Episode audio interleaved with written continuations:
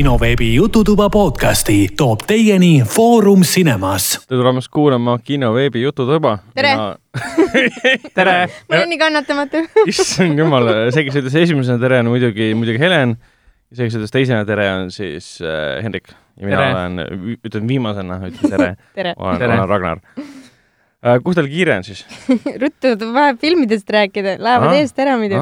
Kuule, juht, juhtus see, et sauna, saunas sündis vosikas, ma ei tea, kuidas see lehm sinna sauna sai, aga, aga sündis ära ja pärast läksime koos kinno seda vosikat vaatama ja, ja tuleb välja, et väga äge film oli see vasikas teinud, et noh. mis, mis, mis filmi sa nüüd silmas pead? see oli täitsa siukene vanamehe film, et pärast, pärast seanssi tegime niisugune asjane, asjane, asjane, asjane.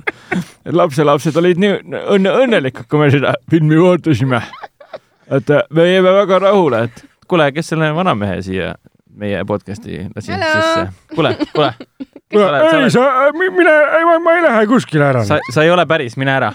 kohe, uks on seal õnneks või kahjuks meil tegelikult äh, Vanamehe multika animafilmi äh, reaalset äh, häältegijat saates ei ole. see oli väga kavalalt venna, Hendriku poolt siis üle, üle, üle tehtud, järgi proovitud hääl. ma ei tea, kas see tuli see hästi välja? tuli jah? peaaegu.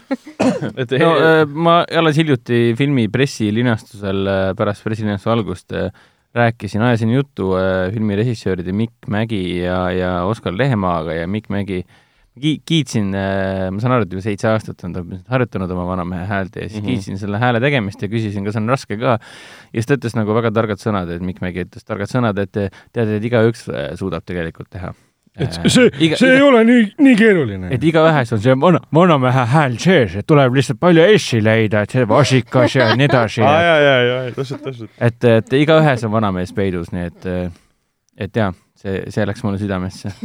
ehk siis see kõik vihjab asjaolule, et tänases saates me räägime muuhulgas ka muidugi animafilmist mm -hmm. Vanamehe film mm, -hmm. mida võime ette spoil ida, et on suurepärane film aga enne, kui lähme nende samade mainitud filmide juurde, mainin kiiresti, kiiresti ära, et äh, kinoveebi Jututuba on leitav Delfi taskus, SoundCloudis, Apple podcastis, Spotify's, Google podcastis ja kõikides teistes podcasti rakendustes Äh, lisaks võite meiega alati meie ühendust võtta, kirjutada, joonistada, äh, lahutada, tantsida, mis iganes, äh, kommentaare jagada, kritiseerida äh, kõik on oodatud, kõik loeme ette, juhul kui ta just meili ei pane kirja, et ärge jumala eest ette lugege ma teen, ma teen siinkohal ettepaneku, et kõik võiksid, kõik meie kuulajad, meie lugupeetud kuulajad võiksid äh, sulle, mis see aadress on, kuhu saata saab? jututuba at kinoveeb.ee vot sinna võiks siis kõik saata audiosalvestused oma äh, parimast nägemusest, mismoodi äh, võiks kõlada vanamehe hääl teie arvates. kas kinopileteid ka vastu saab või? See, see, see tuli niisugune sucker-punch sinna praegu, et kindlasti, eks me kindlasti midagi välja mõtleme. kingitused on garanteeritud, et me siis isiklikult, garanteeritud. isiklikult, me tegelikult, meie isiklikult ei vali, et me võtame, valime siis parimad või no me võtame kõik ette, mis meile on saadetud, saadame need Mikk Mäele äh,, Mikk Mägile siis, kes ise otsustab, mis on siis parim vanamehe hääl, sest tema on see autentne vanamehe hääle tegija ja kui veab, siis äkki järgmisesse saatesse saamegi eh, Miku ja Oskari. jah, kutsume Miku ja siis Oskari. vot teeme siinkohal ennatliku, ennatliku välja üleskutse, et saatke meile oma parimad eh, vanamehe hääled ja siis järgmises saates loodetavasti koos Mikk Mägi ja Oskar Lehemaaga valime välja, missugused hääled on parimad. jah otsesaates kuulame selle parima kindlasti ka üle. otsesaates või? aa, nagu selles mõttes nagu saate ees, saate jooksul. tühik on vahel nagu otsesaates. ja, ja neid võib siis saata jututuba, et kinoveeb.ee ja seda ei ole ju keeruline põhimõtteliselt teha, sa võid ju mingi diktofoni, mobiilidiktofoni põhimõtteliselt mm -hmm. selle mhm. sisse rääkida ja selle faili sealt välja võtta ja meile saata meili teel mm. -hmm okei okay,, see on väga ennatlik praegu. aga väga pikk ei tohiks mm. olla, las ta olla mingi paarkümmend sekundit. jaa, see võib olla mingi lause treilerist mm -hmm. näiteks, võib-olla, see ei pea olema üldse Vanamehe multikaga seotud, Vanamehe mm -hmm. filmiga seotud, see võib olla mingi asi, mis iganes lause, mis väljendaks väga hästi seda Vanamehe häält mm.. oleme nõus okay., jah? no vaatame, kas järgmine saade õnnestub eh, siis Mikul ja Oskaril on kindlasti käed jalad praegu tööd täis, et käia mööda Eestit mm -hmm. ja filmi igal pool ekraniseerida ja sisse, sisse juhatada aga lähme edasi, lähme edasi filmide ja seriaalide juurde, mis me oleme siin kahe podcast'i vahepeal vaadanud. alustame nagu ikka Helenist. jep, mina jõudsin lõpuni niisuguse toreda animasarja nagu Castlevania ja mulle väga meeldis. ta lõppes äh, väga ägedalt ja nüüd peaks ju üks hooaeg veel tulema, kaks hooaega on käesoleval hetkel Netflixis saadaval ja tõsiselt mõnus chill, visuaalselt ilus, lugu on tark, karakterid on ägedad, action'it saab, nii et äh, soovitan äh,. teine asi, mis, mille peale ma sattusin siis, kui Castlevania sai läbi ja siis ma olin, et appi, mis ma vaatan, ma ei oska midagi vaadata, kõik on juba vaadatud. aga siis äh, Netflix pakkus niisugust asja nagu Derby Girls. ikka leiad neid asju? Kas see on ka nagu nagu re- real life story või? ma usun küll jaa. mis on loo premise siis, see on äh, sari, leiab aset äh, Iirimaal ähm, mingi kaheksakümnendate keskel. Ja peaosa siis on siis üks tüdruk, kes käib koos koolis ja tal on mingid sõbrannad. Ja siis äh, nende ühe sõbranna sugulane, kes äh, saadetakse nende juurde kooli, on inglane, et ta ei ole iirlane, vaid ta on inglane ja siis, äh, siis ta saab ilgelt äh, rotti selle eest kogu aeg, et ta on Mhm, mm mhm. -hmm. tikk ja nii edasi, nagu reaalselt nagu. arusaadav, Ja- miks ja alguses mul oli ka jälle siuke tunne, et ah, ma ei tea, kas see on mingi asi, et jube Iiri keskne ja, ja reaalselt nad ikka pudrutavad nii, et äh, alt peab teksti lugema, muidu ei toimi.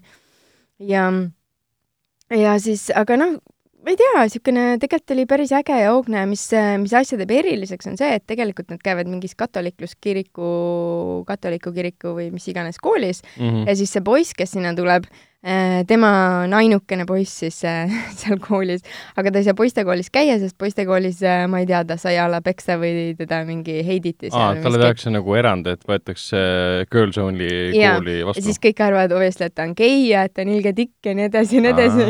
ja selle üle saab päris palju nalja ja, ja ta on fun, et mis on nagu natukene raske, ongi see, et ähm, ähm, teatud mõttes natukene ikkagi noh, Iiri keskne obviously tegelikult, aga mis on hästi põnev, on see, et see IRA, mis iganes rühmitus see oli seal Iirimaal, see vägivaldne, et äh, iga, jah. nagu seal on ikka, tuleb ette, et mingid, nad lähevad kooli ja siis mingi püssimehed onju, tšikkidel on jumalast suva onju, neil on nagu tavaline asi, nad on seda kogu aeg näinud. Ja siis see tüüp mingi, mis toimub? Mm., kas ma peaks kartma? Nüüd, siukene nagu, et nad mängivad nende mm, niisuguste kontrastide peale ja ma arvan, et see on kelle, ma ei viitsinud netist uurida, aga ma arvan, et see on kellegi isiklikust elust kirjutatud, kuidas ta üles kasvas seal äh, konfliktses Iirimaas ja, ja kui oli see, see on nii meeletult religioonne ja mm. Religioosne ja kõik siuksed asjad ja siis nad elavad seal mingi, ma ei tea, mitut peret koos, see peategelase tšikk, tšiki pere nagu, et äh, fun, imelik, kohati väga naljakas, aga täitsa okei ka. et et siis veits nagu lahkab seda äh, toonaseid äh, Põhja-Iirimaal tekkinud IRA äh, katseid Inglismaast ennast lahti tõmmata. ei, seda mitte, pigem on see ikkagi koolitüdruku perspektiivist, kuidas käia koolis äh,, keskkoolis õigemini, kui sa nagu tahad mingi lihtsalt chill grill ja sul on Take That vist oli sellel ajal ja Robbie Williams, jaa, see on ainuke asi, mis sa tahad, aga siis on mingi jama, kuskil on keegi midagi õhku lasknud ja jälle mingid piirid on kinni või mingi Mm. passi on vaja. mis mõttes on ju, ma tahan kuradi Robbie Williamsit näha et äh,, et siuksed noh, nagu siuksed tšikkide probleemid, kohati on lihtsalt nii ajuvaba, kui idiootsetesse mingitesse jamadesse nad ennast suudavad nagu ajada. Et see on nagu ebareaalne lihtsalt, aga no see, ma arvan, et see on lihtsalt üle, üles puhutud, et noh, keskkooli värk on ju, teedki idiootsusi. et ähm, aga milles see, milles see nagu Derby Girls pealkiri? Jüri, Derby. Terri on tegelikult. oi, sorry, aa, ma lugesin Derby, siis ma mõtlesin, et oleks see oligi- seotud mingi Derby'ga. näed, ma ei suuda nimesid meelde jätta, te teate juba seda. aa, Terry on koha nimi. Terri on koha nimi jah, jah, et äh, aa, ja siis, ah jah, ühesõnaga ma, ma ei ütle, aga äge, äge on, et äh, mul oli kohe kahju, kui see läbi sai, sest ta on hästi niisugune nagu intensiivne või nad kogu aeg sealt seletavad ja räuskavad kogu aeg, vahepeal on niisugune tunne, et aa, olge vait, siis oli jälle, aa okei okay,, see on Mm. naljakas onju, et äh, mitu episoodi? kaks hooaega minu arust oli mm., aga ma ei tea, kas seal rohkem tuleb või ei tule. et Äh, ma praegu selle. uurin, et siin on kirjas, et järgmiseks aastaks peaks tulema ja kolmas hooaeg. okei okay., ta on äge jaa, ta on, ta on nagu täitsa vaadatav. kuus episoodi vist. ja minu arust see tšikk, vaata see, kes see seal, seesama, ei. See üks nendest tšikkidest, ma, oota, ma ei tea, mis ta nimi on, aga ta on netis hästi palju kuskil memedes olnud, et äh, ma ei tea, ela läbi needsamad emotsioonid, mis see tšikk nagu läbi elab, et äh, või näoilmed nagu on üliägedad. Chaotic Neutral ja kõik see ja. midagi, jah, Aa. midagi siukest. see kõlab kusjuures väga ägedalt, siis ma vaatan ka selle asja tausta, et on täielik Iiri, Iiri asi ikkagi mm.. Mm. Mhm. Et selle, selle looja on äh, naine ja ta on mm. -hmm. iirlane ja siis on no ma arvasin, et no Muusik- omast kogemusest midagi, noh. Iiri muusik on loonud äh, mingi, juba mingi veteranmuusik on loonud muusika ja lõpus käib siis see lõpulaul on siis ei miski muu kui Cranberry see Dreams. no täitsa, no seal on hästi palju neid tuntud, Kors, kes oli ja Cranberries ja kes need Iiri, Iiri need popgrupid on, neid tuleb seal aga ikka ta on nagu tõsi, tõsine asi ka võrre-, noh, seoses Ei. selle IRA ja kõigega. ei, see on nagu see, et kuradi idikad jälle raisk, mul on seda vaja teha, nüüd nad panevad siia pommi, onju. nagu, siis jälle mingi, mul on vaja mu koer, onju. kurat, mis te passite siin oma relvadega, tulge eest ära, ma lähen oma koera järgi praegu. et ta Mm. mm. nagu võtab hästi, no täiesti ignoreerib, et need on olemas, aga ta täielikult ignoreerib neid. samas see on ka aus, sest ma, noh, loogika ütleb mulle, et sellises kohas, sellises ajas oli väga palju neid inimesi, kes ei võtnud seda asja Jah. nii tõsiselt kui teised inimesed,, üritasid lihtsalt oma elu elada. ja ma arvan küll jah Mm. et, et selles suhtes oli see vinge, et äh, meelelahutuslik. ta on niisugune väga lõbus ja tore ja, jah, okei aga ta, ta on nii crazy nagu ka, et see mulle just meeldis, et ta on nii crazy lihtsalt. panin, panin kirja, mulle täitsa tahan näha. Siis oli hästi suur masendus, et kui see läbi sai see sai läbi, siis ma issake, mis nüüd saab, mul ei ole midagi vaadata. ja siis mul tuli meelde siukene hirmus asi, et ma nägin eelmine kord ju, rääkisime eelmine kord sellest, et ma nägin Hemlock Grove'i mm. Netflixis, noh, panin peale, noh oh,. täiesti õudne mm.. ta on ajale jalgu jäänud natukene, et ähm, jube sihuke aeglane oli võrreldes kõikide igasuguste teiste asjadega võib-olla, mis praegu tulevad, mis on siuksed sünged äh, ja nagu kohati nagu tühi, tegelasi mm. oli liiga vähe, aga mingeid asju ma isegi ei mäletanud, täitsa lõpp nagu. ju ma siis vaatasin läbi une kunagi seda võib-olla natuke rohkem, et äh, et, et, et mingid asjad olid küll nii, et mm, aga noh, ma ei tea, mõnes mõttes nagu oli jälle äge, et mulle nagu meeldis noh, ta nüüd, nüüd käib mul, et niikaua, kui ma midagi muud asemele ei, ei leia, siis tõenäoliselt ta käib niikaua, kui ta on äh, läbi. aga minu üllatuseks sellel oli kolm hooaega. ma täiega mäletasin, et oli kaks hooaega. mul pole õrna aimugi, mis kolmandast saab. sa polegi võib-olla kolmandat näinud või? see kusjuures on täitsa võimalik isegi jah, sest ta läks juba teise hooaja keskel, läks kuskil nii hulluks ära mingi, ma ei tea, mis rekre-, rekreatsiooni nad seal tegid ja ma ei tea, seestamist ja idiootsusi nagu. et, et ma natukene isegi ei julge mõelda, mis, mis, mis sealt tulla võib. okei okay., ma üritan ka seda meelde jätta, et peaks vaatama. sa ütlesid, et sul on kõik asjad nagu Netflixis nähtud või? See on suht võimatu väide samas. iga nädal tuleb no. Mingi kümme uut asja sinna. jaa, aga olgem ausad, nagu ikka väga palju sellest on ka hirmsat äh, No kõik ei ilus ilus sõna on halva asja kohta. saast, rämps, rämps. ebakvaliteetne jura. ebakvaliteetne rämps, ma olen neid ikka aeg-ajalt äh, käima pannud, aga kui ikka mm, no mingid asjad ei kannata vaadata kas näitlejate pärast või siis dialoogi pärast või siis seti pärast või või noh, näiteks pole minu maitse lihtsalt, et isegi kui ma üritan, ma panin mingi asja käima küll, ma ei mäleta, mis see oli, see võis ka film olla, Mhm. mida ma üritasin vaadata, aga no ei toiminud lihtsalt, mul oli ja siis ma panin lihtsalt teleka kinni ja mõtlesin, et oh, päris hea. mm.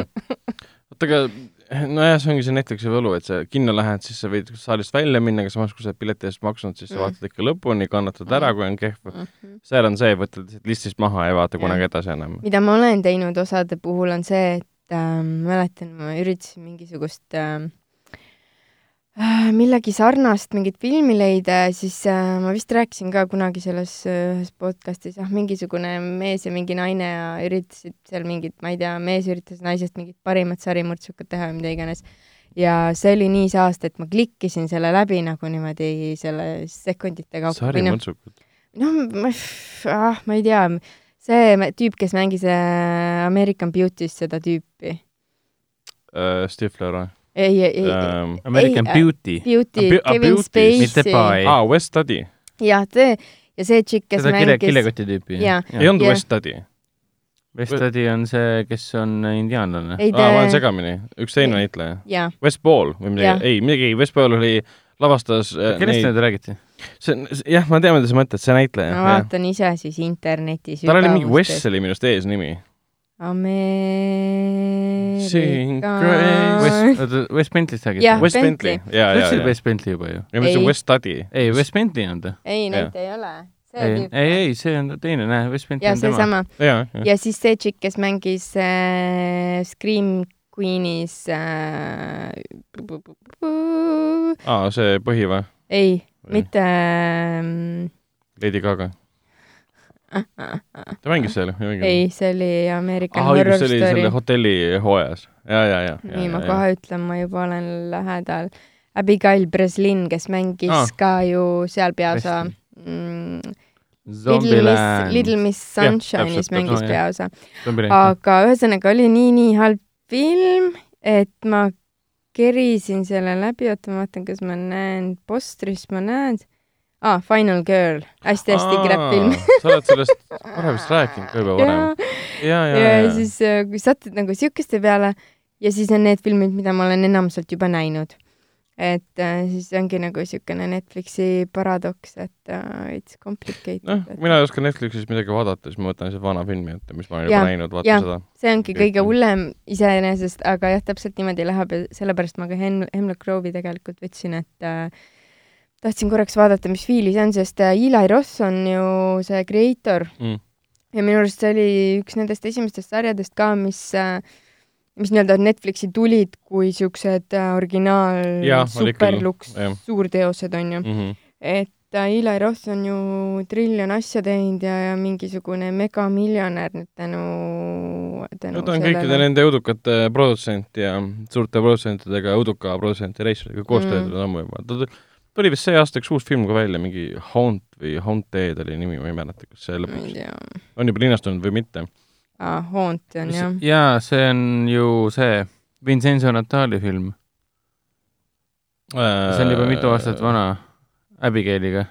aa, okei okay., ma ei tea, millest sa praegu räägid, aga okei okay.. aga ei tea. sa mõtled see Haunt või Haunter? ei, ma mõtlen Ile Rati uut filmi, mis see Oli aasta ma aa, okei, okei, okei, okei, siis ma ajasin sassi. okei okay., no selge. nii generic nimed tulevad järjest, siis nagu vau wow,, Mm. Jah. aastad tagasi, tänapäeval. et Mm. äh, alati oma filmile nime otsides võiks guugeldada. palju seda on juba kasutatud jah, tavaliselt äh, kui on mingi siukene pealkiri, siis neid filme on tuhandeid ja kui sa juba leiad, paned Google'isse ja leiad sada mingit filmi, millel on sama nimi, mis sa tahad oma filmile panna, siis no F nagu vaheta ära see lihtsalt. Sest aga Scorsese Irishmani oli ka selline Jah. originaalnimi. nagu mingi aeg oli üks film nimega Kill the Irishman ja siis oli mingi Irishman kuskil veel mingis võrrandis kasutatud pealkirjana. Ah, no ja näiteks äh, Room, The Room, A Room, Room, jah, ja Room mitte U. Room, Room, noh. nagu come on, nagu aitab, me juba ei taha enam ühtegi mm. ruumi juurde. vot, ongi sinu poolt kõik, jah? need olid minu Netflixi seiklused nädala jooksul, jah. Minu Netflixi seiklustest, jah, ma tõesti panin vahepeal taustaks tööle äh, selle äh, Men in Black ühe, Mhm. sest see on lihtsalt suurepärane film, suurepärane komöödia, Will Smith ja Tommy Lee Jones teevad suurepärased rollid ja ma vist panin selle ainult sellepärast tööle, et ma hiljuti nägin nüüd Ad Astra ära ja kuna Aa, seal. Tommy Lee Jones mängib, siis tuli meelde, et ta on la- lahe näitleja ja siis vaataks seda uuesti ja endiselt suurepärane film ja töötab väga hästi. sa tähistasid siis Will Smithi sünnipäeva? jah tal oli nüüd või? kahekümne viiendal viis. septembril oli sünnipäev. sai viiskümmend üks ja tähistas seda siis Budapestis, kus toimus tema uue filmi Kaksikmees Gemini Man, mis Eestis tuleb vist, tuli üksteist oktoober. üksteist oktoober. äh, esilinastused on juba müügil alates kaheksandast oo jaa, oo jaa. ja siis äh, Budapestis ta siis tegi seal suure kontserdi ka. Kontserti, ja, jah? ja seal oli Anthony Mackie oli koha peal, vist tema naine oli koha peal. tegi Jigipidit või? ja, ja kõik need Summertime'id ja kõik need Belli Airi lood ehitati jaa, ära ja jaa, no see- sünnipäev põhimõtteliselt.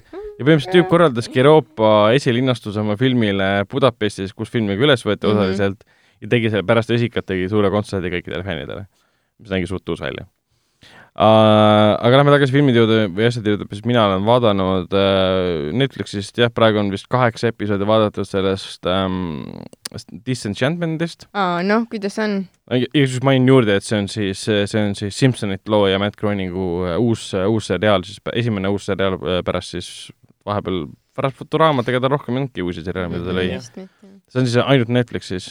teine hooaeg on päris äge.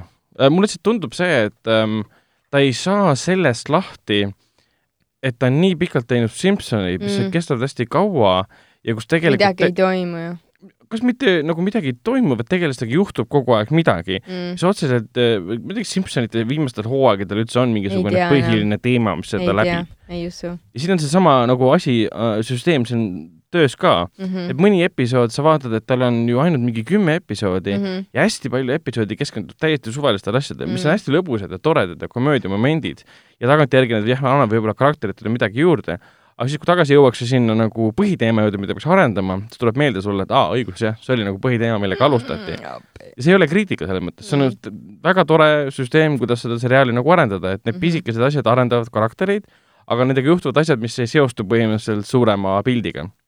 Ja nüüd ma mäletan, kuidas esimene hooaeg lõppes, kõik see kivistati ära, see kõik see linn ja kõik see küla ja see äh, kuningriigi elanikud ja see kõik muidugi laheneb ja mm -hmm. seal Mhm. see Beanie, Dia Beanie hakkab lahendama seal oma probleeme siis oma emaga põhimõtteliselt, see vist et äh, ikka family friendly suhteliselt, et ta nagu nii ja talt ei ole või? no see on, ta on Simpsonite stiilis ikkagi selle koha Mm. pealt, et seal peade maharaiumist ta on on, ta on, ta on karmim küll nii-öelda kui seal ra- raiutakse näiteks pea maha, tehakse teatrietendus, tehakse sellest ähm, kuningas Zoogist mm, mm. -hmm. aga Tiia Piini kirjutas selle, et väljendada oma tundeid, aga tema ei tohi seda teatrit äh, ed-, etendust ei lavastada, osaleda mm, -hmm. sest teater on mõeldud ainult meestele. jah, ja siis tema on jumala vihane selle peale. ja siis Zoog läheb seda vaatama, teadmata, et tema tütar selle kirjutas ja on selle peale jumala vihane, käsib kõikidel pead maha võtta.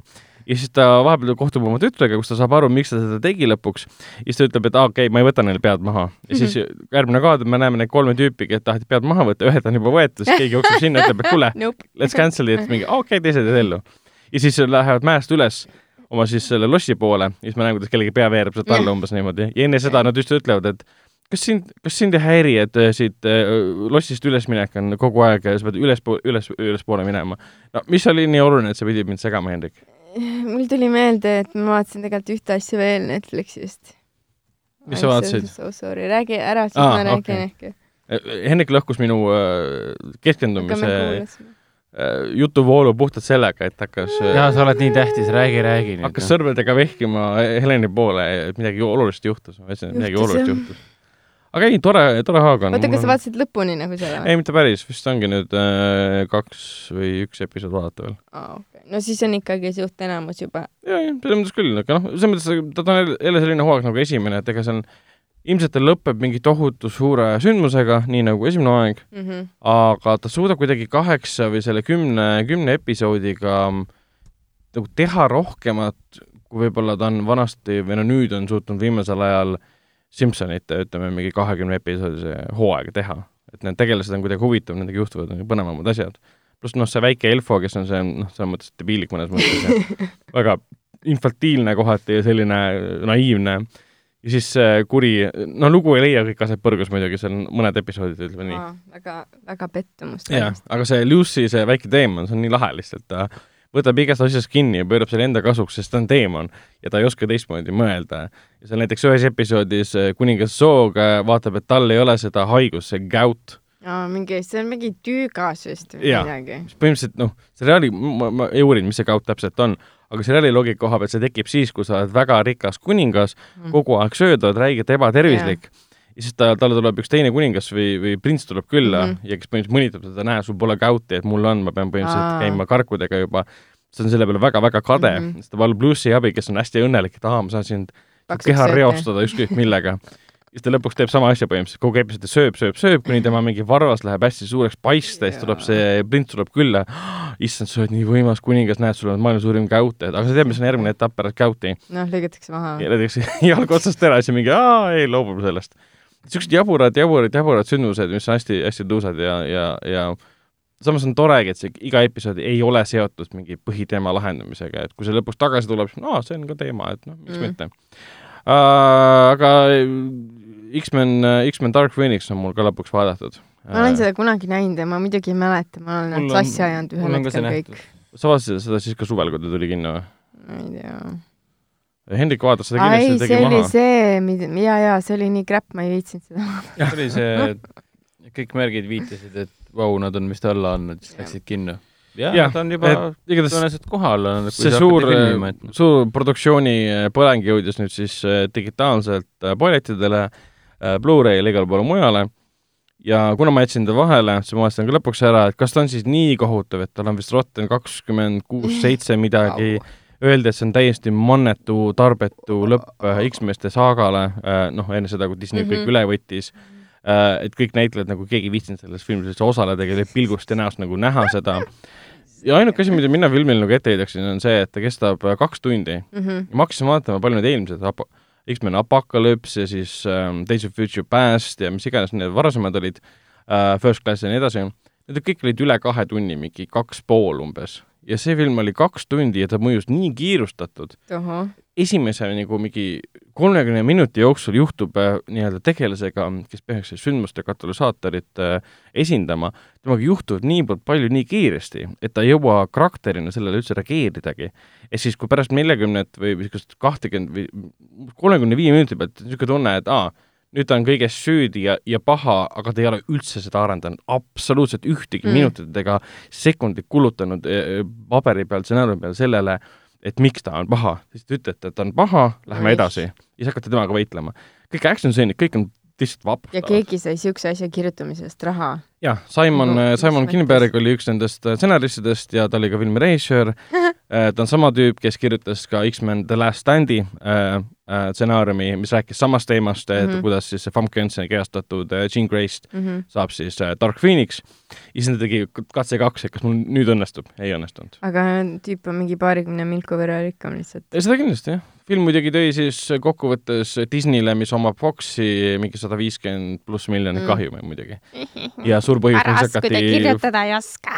jah, see ongi veider, et tal oli stsenaarium hea aga nad lavastasid seda mitu korda ümber, kirjutasid seda mitu korda ümber keset võtteid äh,, näitlejad said äh, uuel võttepäeval äh, stsenaariumi tüki, mida nad polnud varem üldse näinudki, pidid uued tekstid pähe õppima. tead, mul läheb süda pahaks, kui sa räägid niisugust juttu. see on mingi kahesaja pluss, peaaegu kolmesaja miljoniga tehtud film ja kahe, kahesajaga tehti põhimõtteliselt. no vot, aga pane ju reklaam peale otsa mm., et nii palju ressursse kulutati filmi peale, mitte tehti nagu ülekäe ja kuigi no, visuaalselt, nojah, kuigi visuaalselt seda tunda ei ole, sest kõik seal äh, rongist äh,, rongi hävitamise tseenid, kus nad võitlevad seal sees, visuaalselt nägi tõesti vapustav no, välja. täpselt sama hea näeb välja kui need eelmised X-meeste ansambli filmid. ja, ja selles mõttes näitlejad tegelikult on suurepärased, Jennifer Lawrence lihtsalt ei tahtnud enam selles seerias olla. Mm -hmm. ja temaga Jumal... juhtub, temaga juhtub see seal filmis päris kiiresti, tal on näha, tal on sügav pohhu lihtsalt. no ütleme nii, et selle kohta on ju nalja heidetud ka see, et äh, Jennifer Lawrence'il äh, sai selles seerias Viljand ja, Viljand ja tänu sellele, mida rohkem ta episoodides,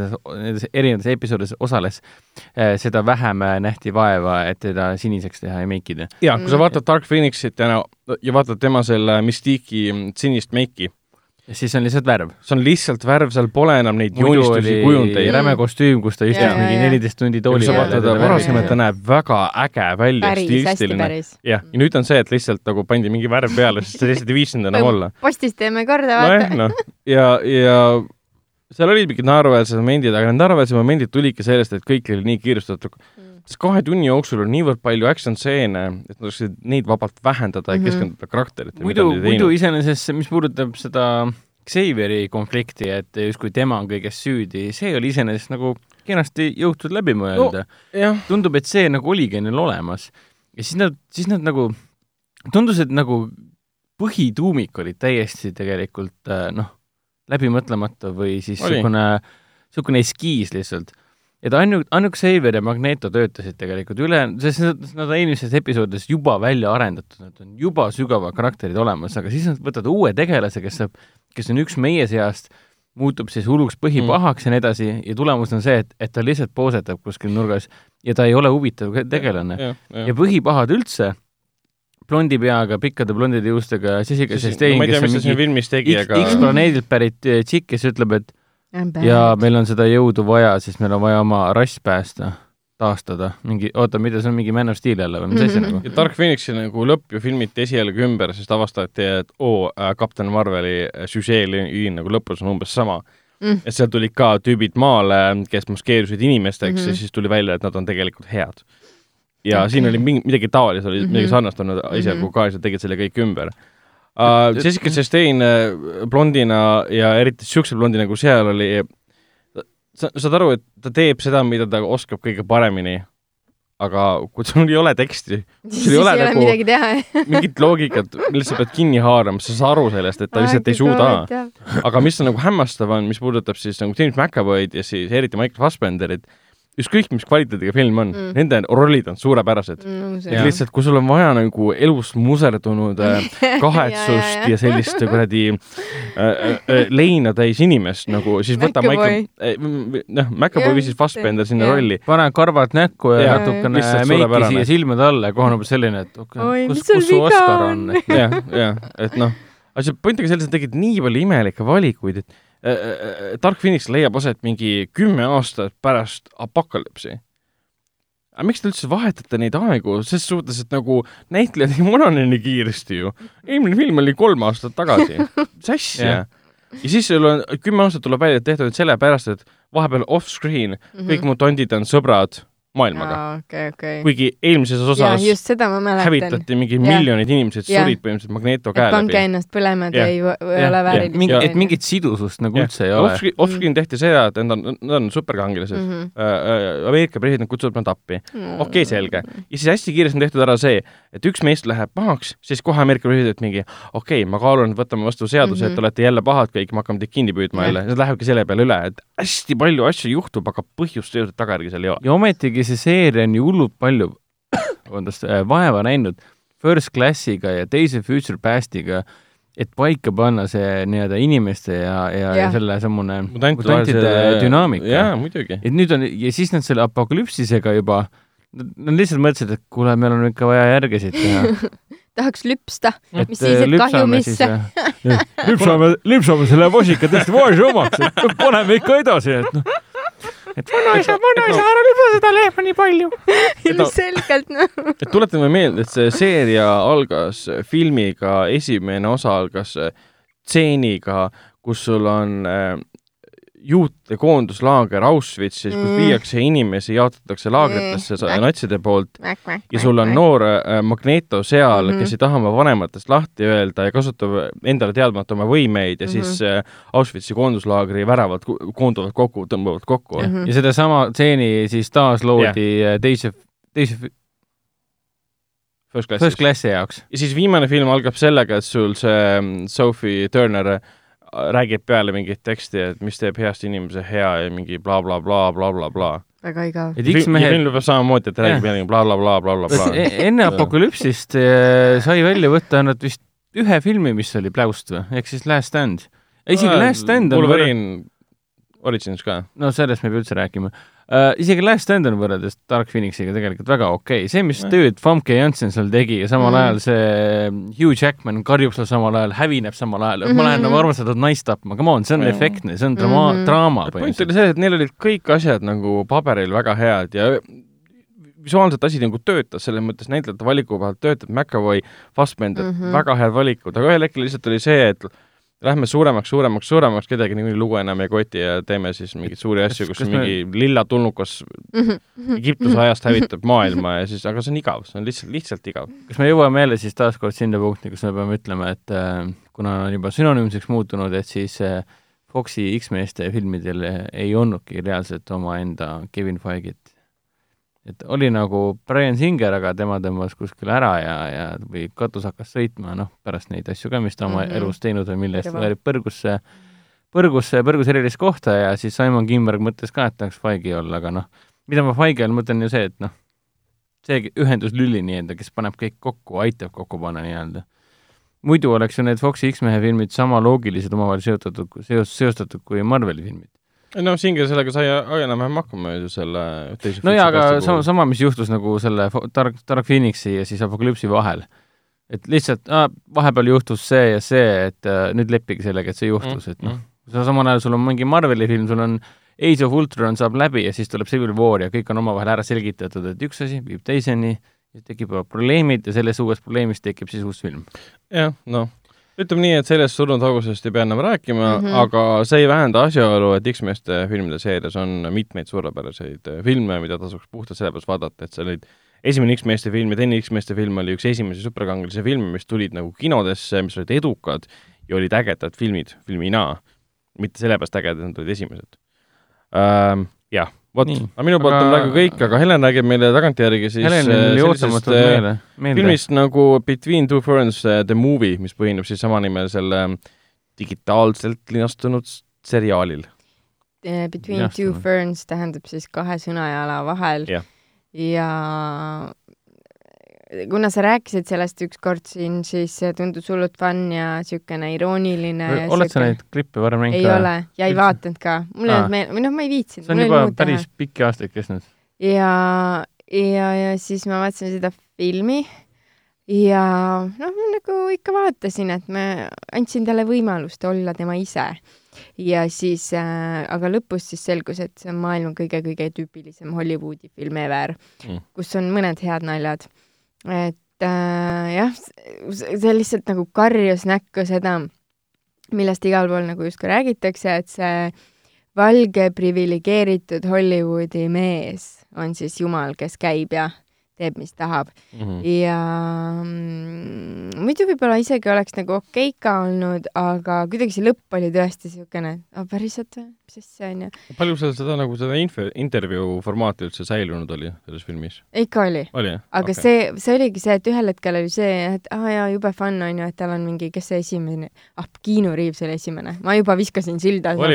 jaa, ma viskasin palli peal silda. yeah, Keanu, ja siis ähm, küsis seal mingeid awkward küsimusi, siis mm. okei okay,, weird on ju tüüp, mis asja sa teed, see on Kiinu, sa ei tohi talle öelda ja, midagi ja siukse imelikke asju onju aga pärast seda, kui mingi a la kakskümmend või kolmkümmend äh, maksimaalselt maailma kõige suuremat kuulsust olid sealt läbi käinud nagu, siis mul viskas kopa ette. Cumberbatch, Dinklage, Pharrell, Godot, äh, Hämm, Brie Larson, David Letterman, McConaughey, Reaves, Raat, Schwarzman Hailey Steinfeld, Bruce Willis ah,, Tessa Thompson. ja neid oli väga-väga-väga palju mainida. seal. ja Phil, Phil Farrell ju oli see põhi, põhiboss seal. Will Farrell, jah. jah ja no ongi see, et oh, vaadake, ma olen Hollywoodi priviligeeritud keskealine mees, ma olin enne paks, nüüd ma olen nats peenem ja vaadake, kui palju celebriteid ma tunnen et.... oota, Will Ferrell või Zach Galifianakis või kellest me ei, räägime? ei, issand jumal, vaadake cast'i listi. ei, üks tegelastest on Will Ferrell. on Will Ferrell või? jaa, jaa, no ongi, seal on absoluutselt no ta on iseendana ses suhtes, Zack mängib ka iseennast.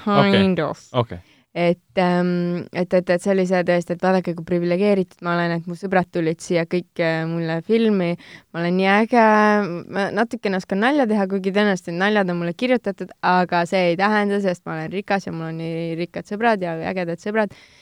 või noh, Hollywoodi sõbrad, ma ei tea, kas need on sõbrad ja, ja siis mingi oh,, vaadake, kui raske mul on, ma pean mingi minema siit ühest linna otsast teise ja ma pean mingi kuulsuseid jahtima ja ja ma ei tea, mis iganes, ühesõnaga mul viskas kopa ette, kuigi mm. ta nagu oli mingi osani oli nagu nauditav, kui ma ei, ei pannud tähele nagu seda, aga lõpus ma ei mäletagi, mis seal kes seal lõpus veel tuli, aga siis mul oli küll niimoodi lõpuks, et oh joo tüüd, nagu mida sa eputad lihtsalt, et äh, tõesti nagu sita maitse jäi suhu pärast mm..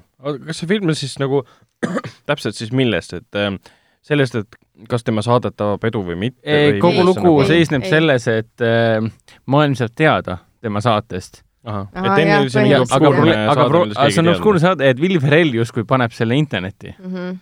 ja maailm saab sellest teada ja kõik naeravad tema üles, et ta teeb seda nii halvasti, ehk siis tegelikult on seda saadet teinud äh, noh, Efron, see on noh, satiiri äh, talk show, see on kestnud üksteist aastat juba tegelikult. nii kaua? jaa, kaks, kaks tuhat kaheksa tuli esimene episood.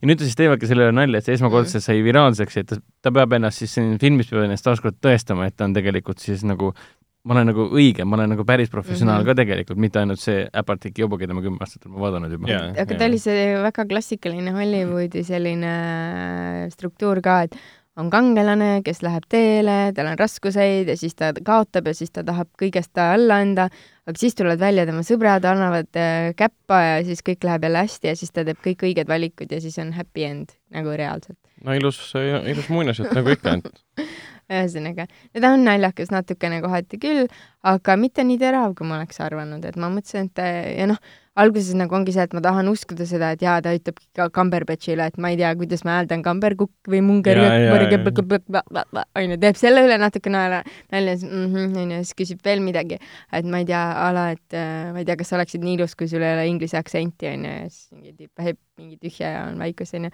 aga ühel hetkel nagu ei hakka uskuma, ma ei usu enam seda, et see nagu on äh, nagu välja mõeldud, sest noh, kõik nagu teavad tegelikult stsenaariumit no võib-olla asi oligi selles, et see asi töötas äh, nii-öelda poolviraalse äh, äh, saatena internetis paremini, et sa vaatad ühte klippi sealt ja, ja mõtled, et mingi kümme jumal... mintsa võib-olla, jumalast chill on ju. see asi saigi ju alguse ju sellest esimesest äh,, esimesest Hangoveri filmist, kus mm. see Zack Galifianakis äh, sai kohutav nimi, kohutav hääldamatu perekonnanimi lihtsalt. ma ei tea, kuidas sa täpselt hääldad. no täpselt, sa ei, sa ei hääldanud seda õigesti.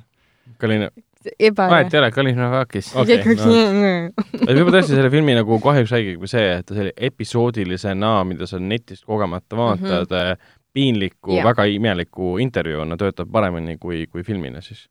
no selge, ei mina vaatan ta ka kindlasti ka tagantjärgi mm -hmm. siis äh, taustale, taustale ära. aga liigume edasi, Hendrik on vahepeal endal siin täiendanud oma, oma vaatamisnimekirja, milleks on üks, üks seriaal, mida sa vaatasid Kanal üheteistkümne vahendusel mm. -hmm keegi vaatab telekat veel. issand jumal, et oh my god. mis sajandis sa elad? mis aasta praegu on? on aasta kaks tuhat üheksateist või mis asja? Helen vaatab ka telekat ja Helen vaatab telekast Netflixi. kanal üheteistkümne pealt jookseb juba, juba kolmandat hooaega, jookseb täitsa kolmanda hooaja alguses, jookseb ei miski muu kui eesti keeles oli see Pargid ja puhkealad mm. -hmm.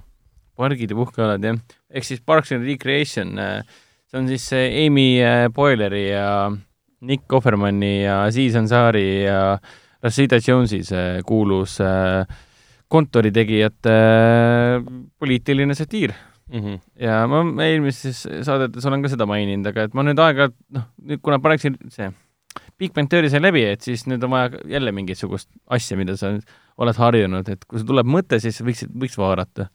aga sellega see probleem, et see jookseb Kanal üheteistkümne pealt äh, kaks osa järjest, esmaspäeviti ja teisipäeviti et see siis, et see, et see katab nagu viiest argipäevast tegelikult neli ära.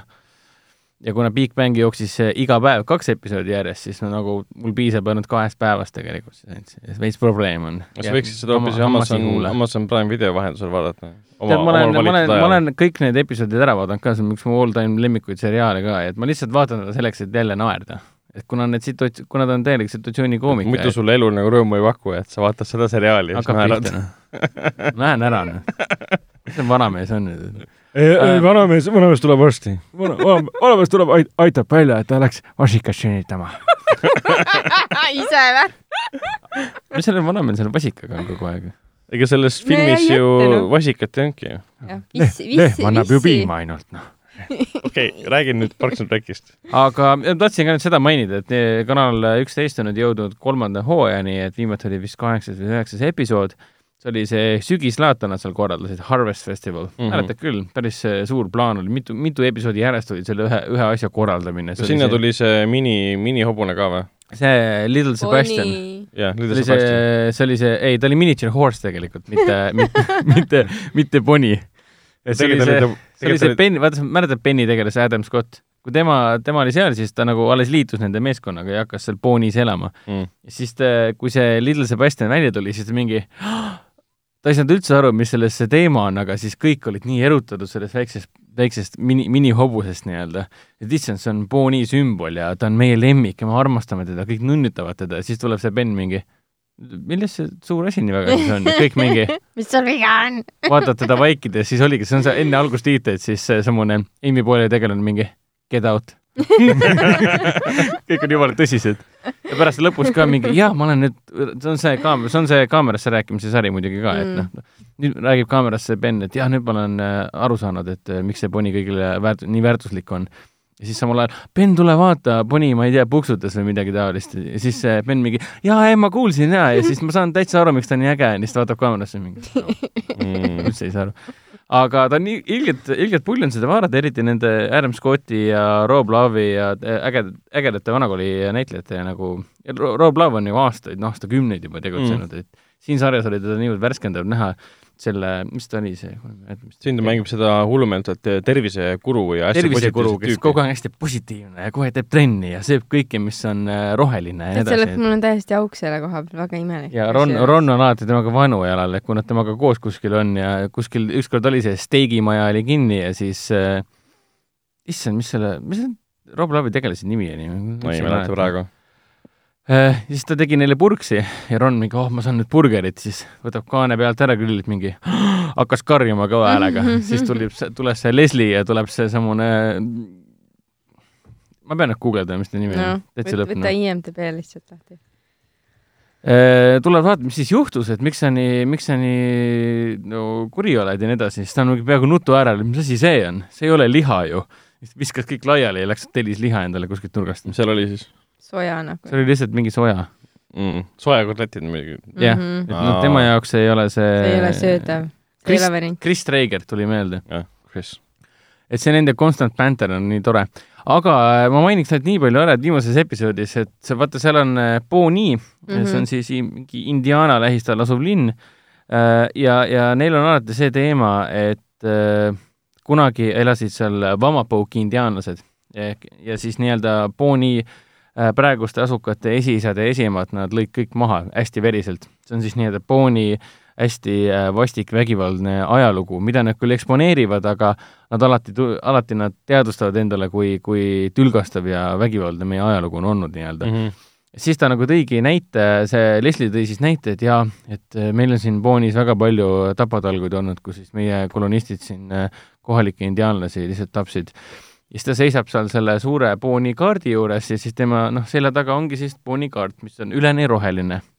ja seal on väiksed, paar väikest valget täppi. ja siis ta küsib, siis ta näitab kaamerale nagu, et siin minu selja taga on kaart, mis näitab äh, kõiki neid kohti, kus siis äh, kolonistid ehk siis meie esised ja esiemad äh, Vamapuki indiaanlasi meeletult äh, tapatalgutes, meeletutes tapatalgutes tapsid mm. -hmm. ja siis ta teeb korraks pausi, hingab korraks, neelatab ähm, tuletan meelde, see on roheline kaart, kus on paar pisikest valget täppi yeah.. siis ta mainib, et äh, need tapatalgus siis toimusid kogu sellel rohelisel alal et ainult need paar valget täppi on see, kus tapatalgused ei toimunud oh. et on, see sari on sellised pisikest kulda täis, et eriti veel see, et ta on poliitiline nii-öelda, et on mm. pargid ei puhka alati, on väike osakond nii-öelda. ja Leslie Knope tahab põhimõtteliselt ju USA presidendiks saada. tema juhib seda nagu USA president, noh. ja samal ajal kui mitte kedagi teist väga ei koti, välja arvatud Chris ja Ben siis ülejäänud on tšillivad niisama, lähevad, äh, ma ei tea, see Aziz Ansari tegelane mitte midagi muud ei tee, kui kogu aeg teeb oma mingit äri ja lõhnasid ja kogu aeg tšillib kuskil. ja ta hullult äh, jauras kogu aeg ringi igast asjadega. täielik hustler nii-öelda, et ta on täielik tüüp, ma ei tea, miks ta üldse seal teeb. päevatööd on lihtsalt vaja, sest kõik ärid tal põlevad läbi mõned võlad on tekkinud no, tema, tema on ainuke, kes seal üldse midagi teeb. üks, ühe episoodi algus oli see hea, et kuidas nad olid äh, selle äh, Ron Swansoniga koos äh, väikesel koosolekul, episoodi, täitsa episoodi alguses, täitsa rutiinne koosolek, istuvad seal, kuulavad siis Leslie ettekannet ja siis äh, Ron hakkab vaikselt nagu kõva häälega valudes äh, oigama, siis kuule, mis viga on? ütles, et hammas natuke valutab. et lähme edasi. Leslie räägib edasi, kõik kuulavad, siis jälle hoigab hästi kõvasti. kuule, mis viga on? hammas hakkas öösel valutama oodake korraks. siis ta võtab tangid välja, paneb tangid vastu oma esihammast niimoodi ja tõmbab, aeglaselt tõmbab küljest ära, samal ajal kõik karjuvad meeleheitlikult, jooksevad minema. siis tõmbab selle ära niimoodi ja siis on, siis on saritegelane kukub pikali ja minestab ära. ja siis samal ajal siis pärast to sinna, kus ta räägib kaamerasse, et jaa, ei ma tegelikult käisin eile hambaarsti juures. et ma panin, ostsin lihtsalt selle vale hamba, et ma saaksin selle kõigi teiste samba välja võtta. pluss ma tahan näha, kuidas ta alati minestab iga väikse asja peale siis ta on alati nii õnnelik, et see on jah tore. nii, aga ega ma rohkem, rohkem midagi ei vaadanudki koduse, kodustes tingimustes. No selge, siis saab sellele osale joone alla tõmmata ja liigume edasi eelmisel nädalal linastunud filmide juurde ja nende juurde, mis nüüd varsti hakkab ka tulema. ehk siis eelmisel nädalal linastusid äh, filmid nagu Ohaka lind, millest me ka eelmises saates rääkisime või tähendab, Hendrik rääkis siis, aga lisaks sellele linastusid veel ka siis äh, Rambo viimane veri, Seksikad sulid ja mm. Tähtede poole ja meie vaatasime nendest filmidest muidugi ära siis Tähtede poole, Rambo ja Seksikad sulid, aga me räägime muidugi ka Vanamehe filmist, mis nüüd see nädal alustab. Äh, ma arvan, et jätame selle nagu viimaseks ja ütleme räägime esimesena, räägime esimesena seksikad äh, sulidest, sest seda on ainult, äh, ainult Hendrik näinud. mul kahjuks läks meelest ära, et ma pidin seda vaatama, ebareaalne lihtsalt, nagu ebareaalne. kuidas te siis vaatama jõudnud minna? et mis on, mis on seksikad sulid, inglise keeles on ta Hustlers, Hustleris jah peaosas on seal Constance Wu ja Jennifer Lopez ja räägib siis, Constance Wu kehastab isegi, siis isegi algajaid strippareid, kes läheb siis äh, stripiklubisse tööle, kus on siis Ramona nimeline äh, karakter, keda kehastab Lopez, kes hakkab teda õpetama siis. täpselt Madame nii, et siin on ka Väär. tegelikult eh, popstaar Cardi B mängib ühte, ühte mm. stripparit nii-öelda. see jutumärkides muusik, jah? Ramona Vega, jutumärkides muusik muidugi, hea, hea, et sa täpsustasid, et ma ise tegin siin nagu jutumärgid valmis nii-öelda.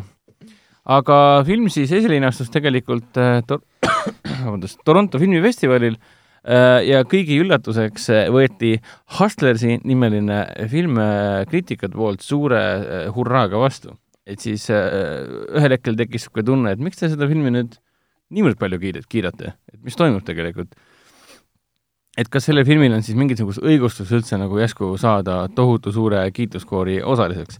pärast muidugi see kriitikavool hakkas, kriitikavool hakkas nagu vaibuma, hakkas tulema kainemad arvustused, aga ometigi äh, üks aasta üllatajad võib öelda, et kriitik, kriitikanoole suhtes. ja ma olen ise täpselt sama üllatunud, Eesti kinodes siis Seksikad sulid äh, on eesti, eestikeelne pealkiri ja, ja täiesti korralik draama et äh, ma istusin pressilinastusel ja lihtsalt suu ammuli on mitte ainult sellepärast, et see on lugu äh, poolpaljastest äh, stripparitest. üheksakümmend viis protsenti paljastest stripparitest, vaid äh, sellepärast, et äh, tegemist on väga korraliku äh, krimisugemetega draamaga. Aga kas siis-. Jennifer Lopez teeb siis rolli, mis on väärt Oscarit? nii No, nagu Toronto nii- nii... filmifestivalil äh, kriitikud väitsid. ma nii kaugele ei läheks, aga samas, kui äh,, kui nad väga tahavad, kui nad väga tahavad, siis nad võivad push ida küll teda äh, Oscari, Oscari juttudele, Oscari kanalitele, sest äh, Lopez teeb tõesti, ta teeb väga tugeva draamarolli siin, aga tegelikult on filmi peategelane mitte Lopez, vaid ikkagi Constance Wu äh,. Ehk siis noor hakkaja strippar, kellele äh, vanem kogenud strippar õpetab äh, töö. Äh,, jah, töövõtteid. tema töövõtteid, täpselt. Constance Wu äh, läbilöögi roll oli see eelmise aasta film Crazy Rich Asians, Aasia hullud trekkad. mis sai siis väga populaarseks filmiks, igal pool vaadati, välja arvatud siis äh, Aasias kuna see ei läinud kellelegi väga korda. aga mind kõige rohkem üllataski see, et äh, mitte ainult Lopez, sest Lopez on nagu vana kala, et äh, kogu filmi kandiski Constance Wu, kellest nagu mina väga midagi ei teadnudki äh,. Lugu on tegelikult väga lihtne, ta ei ole nagu algajastripper, vaid ta läheb uude klubisse aa, okay. okei. kus liiguvad lihtsalt rohkem rahasid nii-öelda. ja tal on vaja sellega harjuda ja ta tutvub siis äh, Lopezi Ramona tegelasega ja koos nad siis hakkavad üksteist, võtavad, võtab ilmselt selle Constance Wu tegelase oma tiiva alla ja õpetab teda. aga loomulikult äh, vahepeal äh, leiab aset ei miski muu kui majanduskrahh, mis meil siin nüüd toimus. juba kümme aastat tagasi või? jah, toimub majanduskrahh ja kui sinu stripiklubi elatub äh, rikastest Wall Streeti poistest ja poiss kogu rahad poistest ja vanameestest, Ah. siis tule, tulemus on see, et äh, nad ei too sulle rohkem eriti palju raha, kui neil pole seda. pole. ehk siis teisisõnu tuleb leida uued elatusvahendid. aga point pole ainult selles, et justkui neil oleks seda raha lihtsalt niisama vaja, bling-bling ja nii edasi, oleme rämedad hustlerid ja lihtsalt elu on lõbu ja lähme tšillime kuskil umbes, mitte see, ärge ajage sassi filmi nimega The Hustle, kus oli siis Anne Hathaway ja Rebel Wilson, kus Mm. nad lihtsalt tahtsid bling-blingi ja raha. või siis, mis see oli see, kurat, üks äh, Jennifer Lawrence'iga oli ka veel mingi üks aasta. American Hustle või? jah. aga, aga oh, seda originaalsust küll, noh. siin on ikka asi ikka päris äh, dramaatiline, siin on juba küsimus äh, perekonnas, kogukonnas, siin on küsimus omaenda lastes, siin on oma küsimus omaenda emas, vanaemas, Constance Wu tegelasel on, ela, tegelane elab reaalselt koos oma vanaemaga äh, ühises majas ja tema ainuke soov, enne kui ta lapse saab, spoiler on, on, on, on see, et ta tahab lihtsalt raha kui sa teenida. poleks öelnud spoiler, siis see oleks, ma oleks nagu mõelnud, et, et aa, et ta kunagi ühel päeval tahab last saada, ja, vaata. ja, ta tahab, ta ühel päeval tahab last saada, kui ma nüüd täpselt nüüd me teame, et ta filmis nüüd me teame, et ta filmis saab aga. siin on väga, väga elulised ja dramaatilised probleemid, mis, mida saab lahendada rahaga. et eh, Constance Wu ütleb väga hästi, et ma lihtsalt tahan, et elada rahulikult oma vanaemaga koos, ma tahan, et mul oleks raha taskus, et vanaema ei peaks kogu aeg kannatama, ravimid on kallid ja arveid on vaja maksta ja vahel ma tahaks lihtsalt välja minna ja ma ei tea, lihtsalt shopata ja süüa midagi head, mitte kogu aeg olla kitsikuses. ja stripi, stripperite elu ei ole lihtne, et sa saad ju oma äh, noortelt või noh, kiimas meestelt sa saad oma jotsiraha kätte, aga samal ajal stripiklubi omanik võtab oma protsendi ja mm, tulemus on see, et sa jääd üldse nulli ja nii edasi ja siis koos Ramonaga hakatakse leidma uusi lahendusi, mis on põhimõtteliselt siis eh, kundede ärameelitamine ja nende troogimine. Mm -hmm.. ehk siis eh, nende kuulekaks muutmine. ehk siis see kõik põhineb omakorda äh, artiklil, mille üks ajakirjanik kirjutas, mis on tõesti, ehk siis see kõik on tõesti selline lugu enam-vähem. Et need stripparid tegelikult nägidki kurja vaeva, kuidas siis äh, uimastada ja enda tahtele allutada äh, rämedaid ülbikuid äh, rikkureid äh, Wall Streeti pealt. ja siin on filmi sisse pandud see viha ka, et kuradi Wall Streeti tüübid põhimõtteliselt ajate majandusse krahh, krahhi ja jah, ja siis kedagi, tulete nutma siia, onju. mitte kedagi vastutusele ei võeta, et äh, ainus, ainus, ainus, ainsad, kes kaotavad, on see, kes kõik oma majadest ilma jäid ja elavad tänaval põhimõtteliselt. kes on siis suuremad pätid, need, kes Wall Streetilt tulevad või siis need stripparid, kes neid varastavad? Jah, et kes on suurem kes nagunii on omakorda varastanud kuskilt. Kari-, karistamatud pankurid ja. või siis äh, stripparid, kes, äh, strippar, kes põhimõtteliselt tahab oma lapsele süüa osta, et ta nälga ei sureks, et noh mm. Mm. et äh, väga korralik, palju, palju, ta, ta on üks nendest filmidest, mis ei kesta tegelikult üldse kaua. ta kestis vist natuke alla kahe tunni aa ah,, okei okay,, sada kümme minutit. ehk siis mm. aga, aga ta on niisugune kulgemise film, et ühel hetkel kuskil poole filmi peal mõtlesin, et issand, kaua see kestnud juba on mm. -hmm. Ja siin tegelikult ühelt poolt seda karakteri arenguid toimub palju äh,, sündmustik areneb palju, ajas hüppamist on tegelikult palju, erinevaid äh, põnevaid sündmustikke, kus midagi läbi, midagi korraldatakse, püütakse äh, edu saavutada või siis nur-, nu-, asi nurjub, seda toimub palju, et kohati tekkis niisugune draamaseriaali, HBO draamaseriaali tunne tekkis mm. kohati. et sa nagu lähed go with the flow ja ühel hetkel mõistad, et oota, see on ainult tund, sada kümme minutit kestev film. Et ei olegi mingi kak-, mingi neli episoodi äh, nagu mm. seriaali lihtsalt et ma olin väga meeldivalt üllatunud, et korralik draama.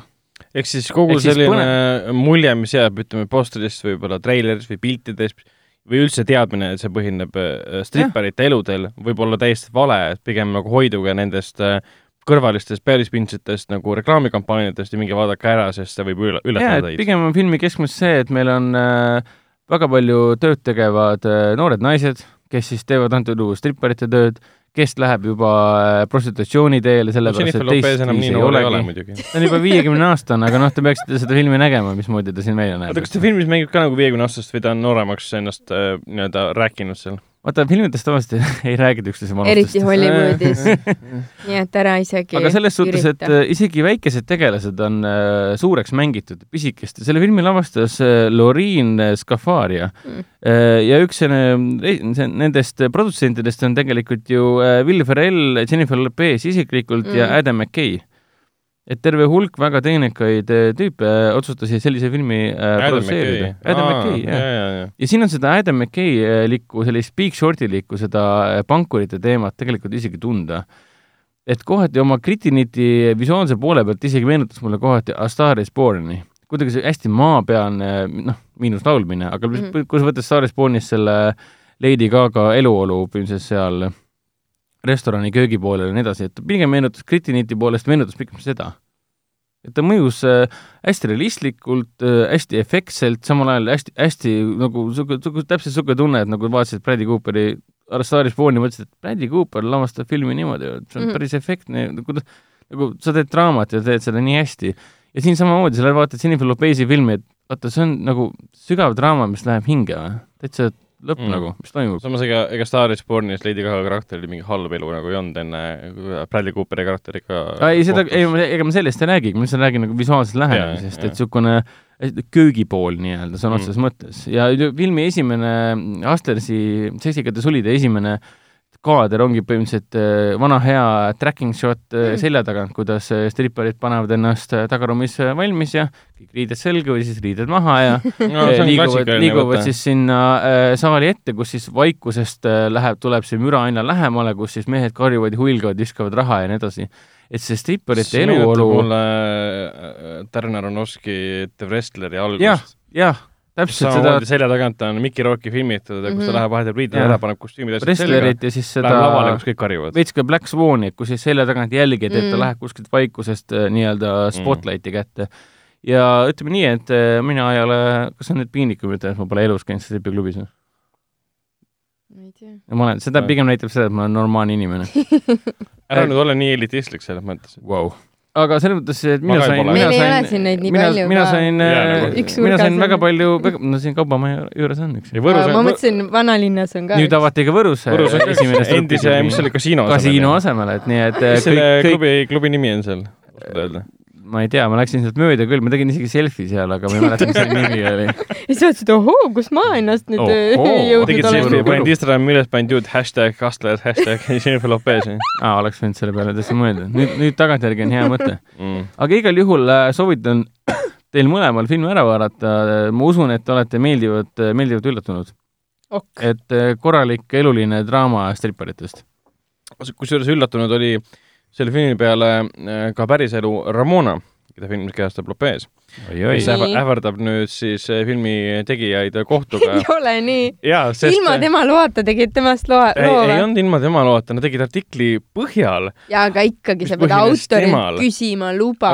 autorilt oli luba saadud aga mis tal on mis siis? ta käis seda vaatamas, ütles, et see on jumala vale, teda kujutatakse jumala valesti, et ähvardab kohtuga nüüd. no aga see on Hollywood ju, kuidas nad ikka veel aru ei et saa. ta ei ole rahul, et teda, te, te, te, tema et teda teda mängib mingi seksikas Lopez, jah? viiekümne Jaa, aastane jaa. mingi Lopez. aga selle filmiga on see huvitav ka, et Will Ferrell jälle produtseerib mm. -hmm. ja üldse Will Ferrell produtseerib väga äh, ootamatuid asju, Amazonis see vägivald ja superkangelaste seriaal on ka tema produtseeritud mm.. okay.. ja ühtlasi selle filmi üks produktsioonifirmadest on Annapurna Pictures. kes Jah. on peaaegu pankrotis Jah., sest nad ei oska häid filme tegelikult teha. ei, neil ongi ainult, ainult head filmid, mis on mingi kuuskümmend, seitsekümmend Oscari oska ja kolmkümmend, nelikümmend Oscarit võitnud Come on, ma vaatasin Netflixist mingi ilgelt saasta, see oli hirmus kohe ja Annapurna, Jah. millist sa mõtled siis?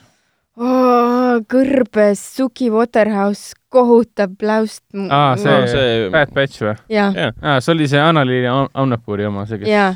Aga see oli- Iraani režissöör. selliseid filme on neil väga vähe, aga enamus Annapurna eh, Picturesi enamus filmid on maailma kuulsate kunstifilmide režissöörid ja uued filmid, mis on kõik Oscarid võitnud, väga huvitav. aga nad ei ei teeni mitte midagi, nad lähevad Ma nüüd saan aru, jah, et nad ei- Neil, oska neil oma oli ju siin ajada. äh, möödunud aastatel oli äh, Phantom Thread ja Sisters Brothers ja If Beale Mm. Street Could Walk, Wise, Booksmart ja nii edasi. aga need on jah, need siuksed suured ei filmid, millel ei ole vaatajaskonda et need on väga, no see Phantom Thread, noh Mm., jube suur Oscari film, mina ei suutnud seda vaadata. no ja Ei, selle selle selle eelarve oli, Phantom Threadi eelarve oli kolmkümmend viis miljonit, tagasi Ah, teenis nelikümmend seitse, et noh. see, see oleks võinud vabalt odavam olla. ja selles ma austan väga Annapurnat selle eest, et nad andsid äh, siukse padja äh, filmitegijatele, öeldes neile, et tehke, mis tahate mis. siis, et nüüd nad on pankrotis no ja selles mõttes küll, selles mõttes küll, jah. aga ei, ma olen, ma olen Ragnariga nõus, selles mõttes, et Annapurna on nagu palju vaeva näinud ja selle Hustlesi põhjal nagu näha ka, et see nagu paras, see Hustles on nagu paras anomaalia. et sa ootad mingit madala, jaa, et sa ootad nagu mingit madalalaubalist äh, noh, niisugust mingit bling-bling filmi põhimõtteliselt, nagu The Hustle, aga tulemus on see, et sa oled lihtsalt, sa oled targemaks saanud ja sa oled, elad terve grupile tegelastele kaasa lihtsalt, kes on väga hästi kirjutatud, väga hästi arendatud Mm. noh, Mm. korralik draama, ta ei ole midagi nii erilist, et issand jumal, anna otsad ja ma ei tea, mine strippama, ei ole. aga ta on äh, üllatavalt hea, seda küll. no selge, aga räägime filmist võib-olla, mis nii üllatavalt hea ei olnud, Rambo viimane veri. jaa, kahjuks äh, Rambo viies film äh, valmistas mõnes mõttes äh, pettumuse, miks ma ütlen mõnes mõttes, on sellepärast, et äh, klassikaline Rambo vägivald oli filmis suurepärane ja väga kena, väga ilus. aga filmi esimene pool, mis puudutas siis tema nii-öelda karakteriarendust ja kõike seda, et mis elu ta elab äh,, kuna seal oli meil kujutatud põhimõtteliselt seda, et kuna neljandas, neljas osa lõppes sellega, et John Rambo tuli sealt Birmast ära põhimõtteliselt ja läks oma siis vanemate koju äh, Arizona ranchos ja nüüd on siis sellest möödunud, issand jumal, palju sealt möödunud siis oli äh,, mingi kümme-viisteist aastat on möödunud siis. millest Rambost või? Rambo neli ja viie vahel, vaata, ma seda ei pannudki tähele Äh, äh,. filmis ei filmis ei öeldud ka täpsemalt. ja põhimõtteliselt ta elab selles ranchos nüüd äh, koos siis äh, ühe mehhiklasest äh, naise ja tema siis äh, lapse, lapsega, kelle ema on äh, surnud ja isa on ära läinud ja kuidagi selgitavad filmis ka ära, kuidas nad omavahel kokku said, et lubas neil elada tema juures äh, tavalist, tavalist pereelu põhimõtteliselt ja siis Rambo samal ajal üritab siis sellist, kuidas nüüd öelda, PTSD-d ja kogetud sõjas koledusi ja kõike seda, et ta on nii palju sõpru kaotanud, kõike seda nii-öelda kaane all hoida ja elada normaalset elu.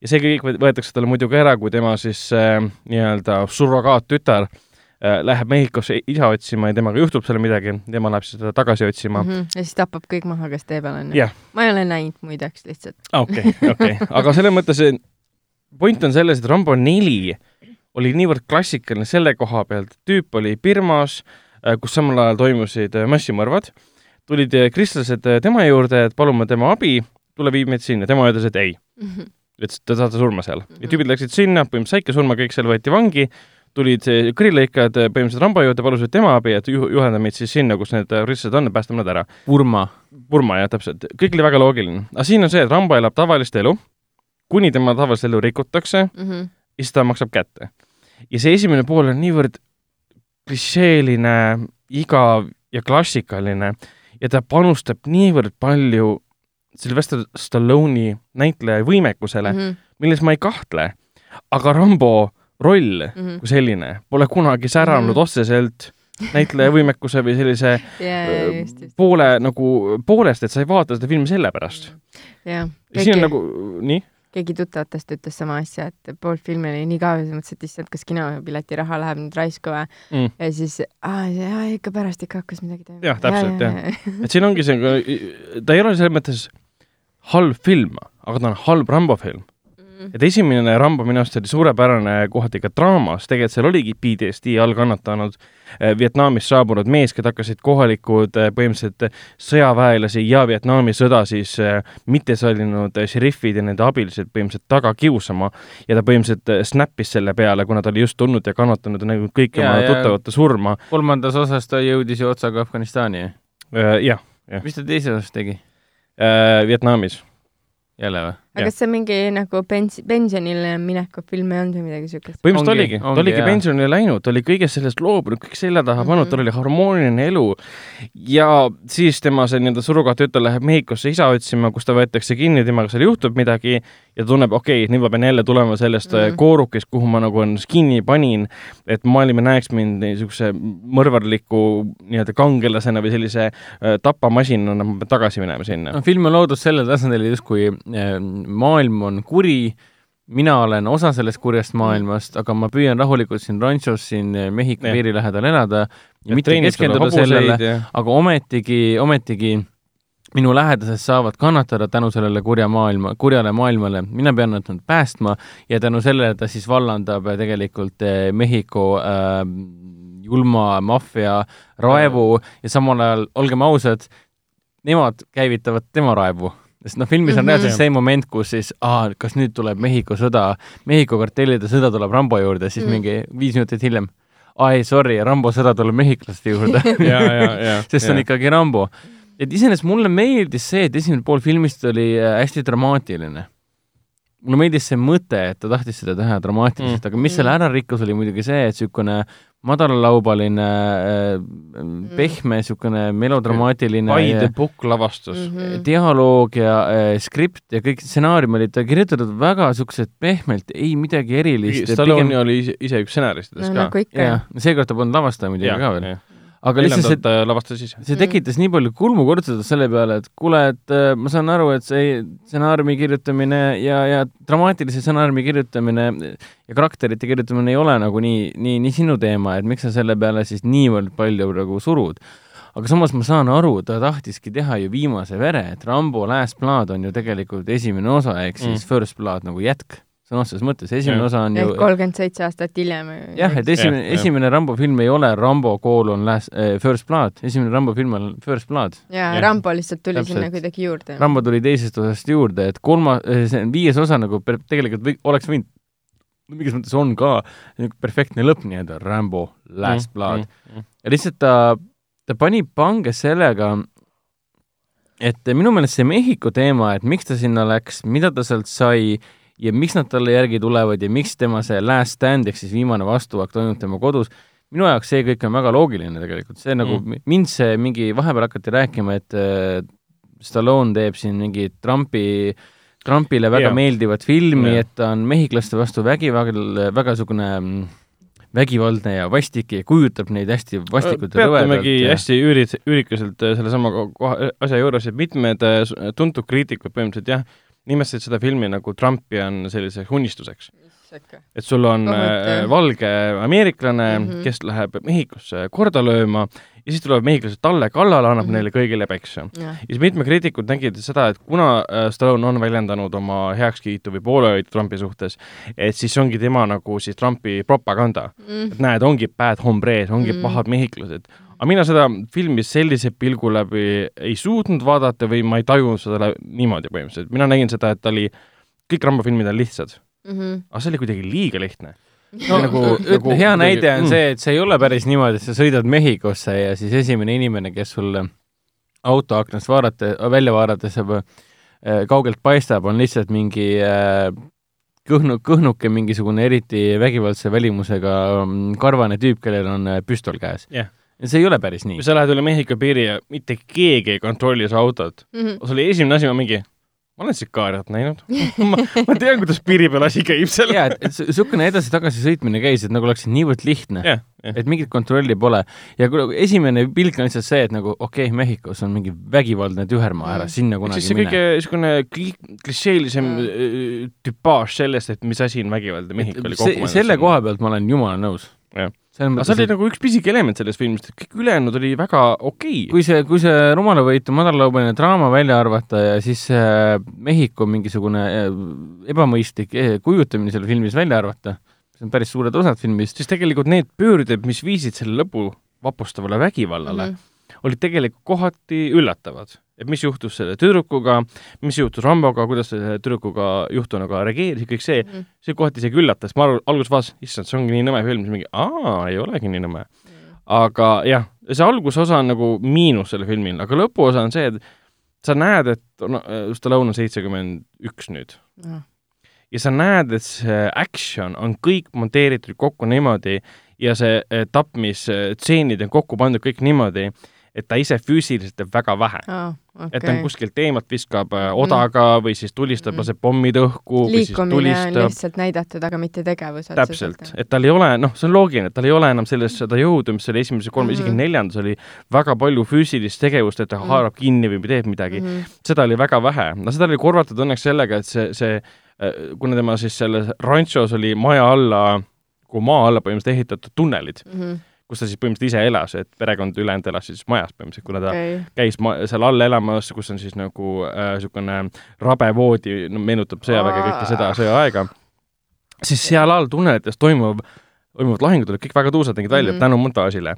ja mõned nagu füüsilised asjad seal ka toimusid, mis oli noh, väga võikad, et ma seda viimast asja ei maini, aga üks ära oli, üks oli küll see, kuidas ta ühelt tüübilt põhimõtteliselt haaras sellest, sellest luust, mis on su kaela juures mm. -hmm. kinni ja tegi selle katki, tõmbas selle välja ja nõudis tüübilt, et vasta minu küsimusele.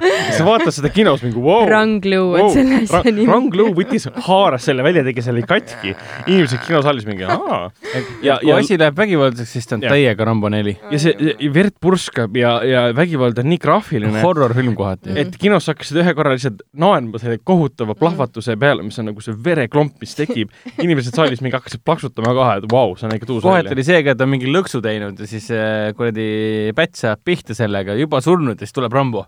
võtab relva välja, tulistab talle pähe mingi, läheb, jookseb edasi. seda oli mingi neli-viis korda vähemalt ja iga kord ma mõtlesin, et ta tulistas sellest, ta on surnud ju. aga see oli nagu see üle, mitte üleliigne, aga liigne vägivald mm -hmm. kompenseeris äh, selle, mis oli see filmi esimene pool. Mm, ehk siis see nõrk draama, nõrgad võib-olla samas see seosed. filmi keskel toimunud äh, dramaatiline pööre, no see oli hea. see oli minu meelest niivõrd hea, et see nagu kohe käivitas Mm. järgmise osa filmist, et nüüd tuleb yeah. sõda. jah, ja see oli niivõrd arusaadav, miks see sõda nüüd tuleb ja miks ta püha raevu täis on ja nii edasi yeah., nagu totaalne äh, revenge. minu võib-olla suurim kriitika seisnebki selles, et kui vaatad esimest nelja Rambot, siis sa ei kannata esimest poolt ära, et jõuda selle action'ini. sa naudid seda. Rambo filmid ei ole kunagi sellised olnudki. aga nüüd viies osa seda nagu oli. ja kõige veidram ka see, et USA, siis Kanada ja UK filmiversioonidest on kümme minutit välja lõigatud. asja? esimesed kümme minutit. ah nii igav oli. filmis on proloog, kus, kus ta põhimõtteliselt päästab siis seal äh, äh, suure tormi käes äh, mägedes põhimõtteliselt mingid äh, matkaturiste põhimõtteliselt, mis on väga lahe tegelikult, paneb Rambo tegelaskuju paika, et millega ta tegeleb. ja siis äh, Eestis ja Euroopas on see olemas, aga mujal seda ei ole, mis on suht, suht nõme. et kokkuvõttes see film ei ole halb, ta on võib-olla lihtsalt kehv Rambo film mm..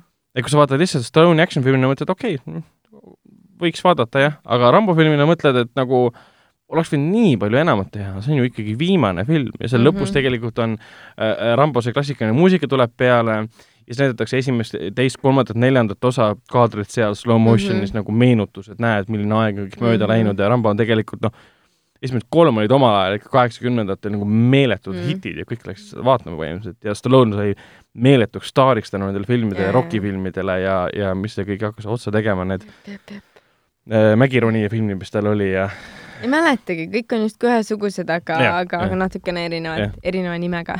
Aga noh, see ei ole nagu, me teame, et see ei ole lõpp, sest ta nüüd juba räägib sellest, et äh, võiks teha siis äh, järgmise filmi, kus räägitakse noorest Rambost ja kõik see, et äh, kus ta on kuueteist, seitsmeteist aasta ja nii edasi. aga noh, ma ei tea, selles mõttes, et ütleks niimoodi, et ta oli nauditav tänu, tänu viimasele poolele. esimese poole pealt ma olin, olin ikkagi pettunud et ma arvasin, et ta on midagi hoopis teistmoodi. hiljem mulle mitu korda öeldi küll, et esimene film äh, oli samamoodi, algus on aeglane ja mõttetu. aga tegelikult ei olnud, esimeses filmis ta tuleb koju, äh, enne kui ta koju jõuab, läheb oma sõpra otsima, saab aru, et sõbra on enesetapu teinud, kes on ka Vietnamist tulnud, siis ta satub mentide peale, kes viivad ta politseijaoskonda ja hakkavad teda piinama. Ja siis ta läheb kohe metsa tegevus oli kõik kooskõlas, arusaadav, mis toimub, see oli nagu loogiline, eh, miks ta reageeris nii, nagu reageeris. täpselt, tema tuleb sõjast eh, ja teda ei võeta enam vastu, sest sa näed välja nagu mingi sõjard, sa, ma, käisin teie ees sõdimas ja, ja. te ei võta mind enam, te ei aktsepteeri enam aga viiendas on see, et isegi ei lähe, ta erebab oma Arizona rantsus, aga isegi ei käi külas kuskil linna peal kuskil mitte midagi tegemas. ja ta elab oma isa rantsus yeah.. isa on eh, visuaalselt nagu välja toodud, teda mainitakse paar korda. oleks võinud natukene jutustada, siis see esimene osa esimene pool filmist oleks pidanud uuesti korralikult läbi kirjutama, teist poolt poleks pidanud nagu näppimagi. Nad oleks võinud selle isa teema rohkem sisse tuua mm., ma olen oma isa poeg ja kes su isa oli, seda ei pea palju rääkima, natukenegi natukene, et yeah. et ja siis see ka, et nagu sa enne mainisid ka, et istub seal filmi alguses maha ja hakkab siis oma vanale heale tuttavale rääkima, et jaa, jaa, et kõik need näod ja kõik need mehed ja naised, kelle ma olen kaotanud ja siis, aga ta nagu otseselt nagu viitab esimese osa sündmustele, et nagu yeah. Vietnami äh, nagu war flashbackid nii-öelda yeah., meenutused nii-öelda. aga Rambo filmi vaataja tekib see tunne, et oota, sa meenutad nüüd, sa meenutad esimese osa sündmusi või mm? -hmm. või noh, see, mis toimus enne esimest osa või? Aga sa oled siin vahepeal veel mingi viissada inimest tapnud ju. milles, nagu, et see nii... ei ole mitte ebaloogiline, et sa praegu meenutad asju yeah., mis toimus yeah. niivõrd kaua aega tagasi. võib-olla hea näide, et kuna see esimese kümne minuti jooksul ta kaotab mõned inimesed seal äh, metsas tormi käes mm, -hmm. ta ei suuda neid päästa, tal on sellest kahju. ma saan aru režissööri stsenaristi loogikast, ta tuleb koju, räägib sellele Mehhiko naisele, et jah, see tõi mul tagasi mälestused, et ma ikkagi kaotan inimesi, kõike seda see on nagu loogiline mm, -hmm. et talle tulid mingid asjad meelde, aga seda, see ei olnud lavastatud nii. ta mõjus umbes niimoodi, et tüüp istub maha, hakkab exposition tampi tegema vaatajale, et aa äh,, ma tunnen ikka veel kurbust, et minu äh, äh, sõjakaaslased kam, kam, kamraadid surid. Äh, kunagi surid, et vaataja saaks aru mm, -hmm. et ta mhm. kannatab selle tõttu mm. -hmm võib-olla ah? neil lihtsalt polnud õigusi teiste asjade kasutamiseks ma ei tea, aga see oli kuidagi nii, kuigi vähemalt samas selle robustse pinnal nagu paistis ikkagi välja see eh, Stallone'i suur eh, tahe ja vajadus jutustada nagu Rambo lugu justkui mm. nagu enda loona nii-öelda ka, et vaata tema filmikarjäär on ikkagi väga nagu action-rikas ja, ja mm., ja vägivaldne olnud mis nagu kogu film nagu kõnetab seda, et justkui nüüd on aeg kirves maha matta, et ma ei taha rohkem sõdida, et eh, see, on, jah, see lõpp, vot see, et brutaalne lõpp ja ääretult äh, vägivaldne ja horror-elemente täis põhimõtteliselt nagu õudusfilm. Mm.. võib-olla see kommentaar ka, äkki kaval kommentaar äh, selle Stallone'i poolt ka, et nagu vaadake, mida te olete minult tahtnud, minult nõudnud. Mm.. filmi, vaata, ma ei hakka midagi mainima, mis see on, aga vaata filmi lõpus ta ütlebki selle, selle lause nii-öelda. Mm.. noh, sa tead küll, mida ma mõtlen, ma ei saa, ma ei saa spoilerdada, et ta justkui annab mõista ka, et nagu ma olen see koletis, kelleks te olete mind loonud, et ja. vaadake nüüd, mida ma siin teen, et ma tahan lihtsalt siin maa all elada, põhimõtteliselt jätke mind rahule, et noh mm Urmasse ma läksin, ometi tulid mingid kuradi kristlased ja kohe tahtsid, et ma tuleksin neid päästma, tapsin terve hunniku sõjaväelasi maha ja pilbasteks ja hakklihaks ja nii edasi, et noh. no täpselt jah ähm,, lihtsalt kokkuvõttes võib öelda, et see film on ühelt poolt nagu Taken, ehk siis neiu röövitakse, mees läheb järele, teiselt poolt on ta nagu Logan ehk siis sul on mees, kes on maailma suhtes alla andnud ja elab oma rahulikku elu, üritab mitte olla vägivaldne, aga kistakse taaskord vägivaldsesse olukorda. ja teiselt poolt on ta ka Home Alone. teiselt, jah, ta on nagu Home Alone ka, sest tema kodus tullakse ründama, ta mm -hmm. paneb lõksud püsti. aga mõnes mõttes ta ei ole jälle nagu Logan, sest Loganis oli äh, äh, Wolverine'il äh, nagu eesmärk, mille nimel ta võitles. siin on lihtsalt see, et revenge mm, -hmm. kõik siin on ka eesmärk, aga suurim erinevus, muidugi ma võrdleksin küll väga Loganit äh, Rambo viiega aga erinevus on see, et äh, Loganil oli äh, nagu väga korralikult äh, kirjutatud äh, stsenaarium. jah, jah. rohkem ei tahtnud midagi öelda. ja siin seda, siin seda nagu ei olnud. aga räägime järgmisena filmist nimega Tähtede poole ehk Ad Astra, mida olen siis mina ja Henrik näinud Äh, tegemist on äh, James äh, Gray filmiga, sama reisijal, kes lavastas The Lost City of Z, mis nüüd linastus Charlie Hannam Hannamiga. see oli kaks tuhat seitseteist äkki oli mm. meil kinodes ähm, ja see minu arust oli väga suurepärane film, et see ei pannud üldse edukas ega midagi, mm. aga noh, juba toona räägid selle äh, produktsiooni lugudes ka, kuidas nad käisid seal, seal mängis ju, ju, ju Robert Pattinson ka oli jah äh,. käisid seal džunglites filmimas ja kõik jäid seal haigeteks ja ja Spider-man mängis ka Spider-man. aa, Tom Holland mängis tema poega vist või? jah yeah.. jah, täpselt. ja James Gray on sama mees, kes tegi ka näiteks äh,, seal oli Marianne Cotillardi ja siis Jeremy Renneriga oli niisugune film nagu The Immigrant. tal oli Joaquin Phoenix oli ka seal. jah ja tal oli kunagi Joaquin Phoenixiga siis ka selline, selline film nagu Two Lovers. Yeah.. Uh, aga nüüd ta on muutunud aina suuremaks ja suuremaks ja suuremaks, aga mõnes mõttes tema teemad on samaks jäänud, et kui Lost City Z oli ekspeditsioonifilm äh, avastamaks džunglit, siis nüüd ta tegi filmi avastamaks uh, kosmost ja tegemist on siis nii-öelda äh,, kuidas nüüd öelda, lähitulevikus aset leidva looga, mis ei ole nüüd nii, nii, nii ulme, ta pigem vaatleb kosmosereisi kui sellist, et milline on selle tõenäoline tulevik äh, planeet Maal. Äh, peaosas on äh, Brad Pitt ja põhimõtteliselt võibki öelda, et see ongi Brad Pitti film. kõik teised tegelased ei oma mingit, nagu kuidas nüüd öelda, ka sama suurt kaalu kui tema et tema isa kehastab siis antud juhul, kui tema nimi on Roy McBride, isa kehastab siis Tom, Tommy Lee Jones teda nagu võrreldes siis muidugi eh, kõikide teiste karakteritega on jumala vähe. aga film ise põhimõtteliselt võib öelda, et see on eh, ühe mehe nagu, kuidas nüüd öelda, eh, otsiks elu sellest, et leida üles oma isa. leiab siis või? jah, aga po aga loo point on üldse hoopis teistmoodi nagu klassikalise ulmekana. põhimõtteliselt maad tabavad kuidas nüüd öelda, mis see eestikeelne vaste on, energiapursked mis tulevad kuskilt äh, Neptuuni tagant ja mis ähvardavad Maa heaolu ja võivad kaasa tuua põhimõtteliselt massi hävinemise. ja siis, kuna selle taga, see on täielikult ka kõik olemas, äh, arvatakse olevat äh, Roy McBride ehk siis Brad Pitti isa mm, -hmm. kes kunagi läks niisuguse projekti nagu Lima äh,, äh, kuidas nüüd öelda ei, ta isa nimi ei ole Roy McBride. ei, Brad Pitti tegelaskuju on okay,. isa nimi on, perenimi McBride, ma ei mäleta, mis see nimi oli äh,. Clifford vist Clifford. oli. jah Äh, kuna tema isa läks kolmkümmend aastat tagasi põhimõtteliselt kaduma äh, ühe ekspeditsiooni käigus kosmosesügavustesse, siis põhimõtteliselt antakse talle ülesande, et sina, kes sa pole oma isa kolmkümmend aastat näinud, oled ka kosmonaut, väga tunnustatud major mm., mine otsi ta üles ja uuri välja, mis põhjustab põhimõtteliselt neid energiapurske, mis maad ohustavad. sest kosmoses on nii lihtne ellu jääda. täpselt. aga kuna siin on nagu kuubaasid, siin on Marsi baasid, siin on äh, kommertsiaalsed reisid Kuule näiteks. siis on ikkagi lähitulevik, et erinevad riigid on mm. saatnud oma ja. kosmosejaamad, kosmoselaevad. Äh, täpselt, et igal, igal, see on selline tulek, kus igal riigil on kosmosereisi võimekus mm, olemas okay et näiteks Virgin Airlines on, ongi teinud seal filmis endale siis nagu kosmosereisid kus sa lähed okay. peale, sa oled vahejaamas kuu peal mm, -hmm. kus sul mhm. on sul Subway, sul on seal DHL-i märgid, sul on seal kuu on juba, kuulub erinevatele kaevandusfirmade alla, maaki. üllatus-üllatus, on omavahel vaenujalal ja nii edasi mm. -hmm ja, ja kõik see tegelikult minu silmis, mis on see ulmeline aspekt, kuigi see ulme osa selles filmis on nii hea, näeb välja, et kohati isegi Interstellar ja, ja First Man jääb selle varju see on nagu väga julge, julge väide muidugi okay.. see näeb nii kaunis välja, et andke sellele mehele veel võimaluse teha niivõrd suuri filme. aga mis mulle selle filmi juures meeldis kõige rohkem, oli see, et ta võis olla suurejooneline ulme eelarve mõttes mm, -hmm. visuaalses mõttes, produktsiooni mõttes, aga ta rääkis niivõrd nagu inimlikest, inimlikust teemast, milleks oli lihtsalt tegelikult, ta on road movie, sama hästi oleks võinud teha road movie sellest, kuidas üks mees läheb autoga isa otsima mm. Ja vahepeal mõtiskleb selle üle, mis tähendab olla isa, abikaasa, kuidas milline on, oli, oleks minu elu olnud, kui mu isa oleks minu peres olnud ja kõike kuidas seda ta mind on mõjutanud, et Jah. kas ma olen oma isa või, kas ma olen oma isa nägu või mitte. aga Craig mõtles, et ma võtan need sajad miljonid ja teen tohutu suure eelarvega siis võimsa ko- kosmoseulmeka ja minu silmis see oli kõige lahedam ankur selles filmis üldse. jah, sest muidu oleks film ikka maru äh, tüütu olnud, kui keskne teema olekski olnud noh, maailma päästmine. täpselt, see oleks igav olnud. Antud juhul, äh, see- Interstellaris kadus see teema et- mingil määral ära. täpselt, see pigem see Ad Astra tähtede poole ongi väga äh, Nolani Interstellar-lik. ehk siis justkui suured äh, su,, suured plaanid, suured ideed äh, nii-öelda maailma päästmiseks, aga no, Ad Astras on seda veelgi rohkem, just seda, et äh, ta, see põhiteema äh, varjutab, põhisisuliin varjutab kõik muu ära nii-öelda. et muidugi selle filmi puhul on see, et see on, Hendrik ütles seda mulle pärast seanssi ka, et ta on mõnes mõttes väga sarnane paljudele teistele.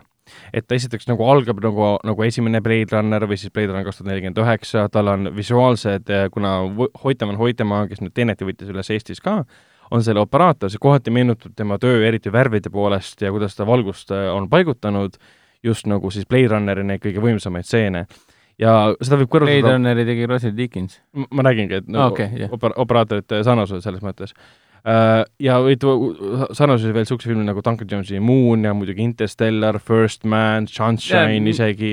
minu jaoks oligi kõige sarnasem Interstellariga, First Maniga ja, ja Sunshine'iga. jah, jah.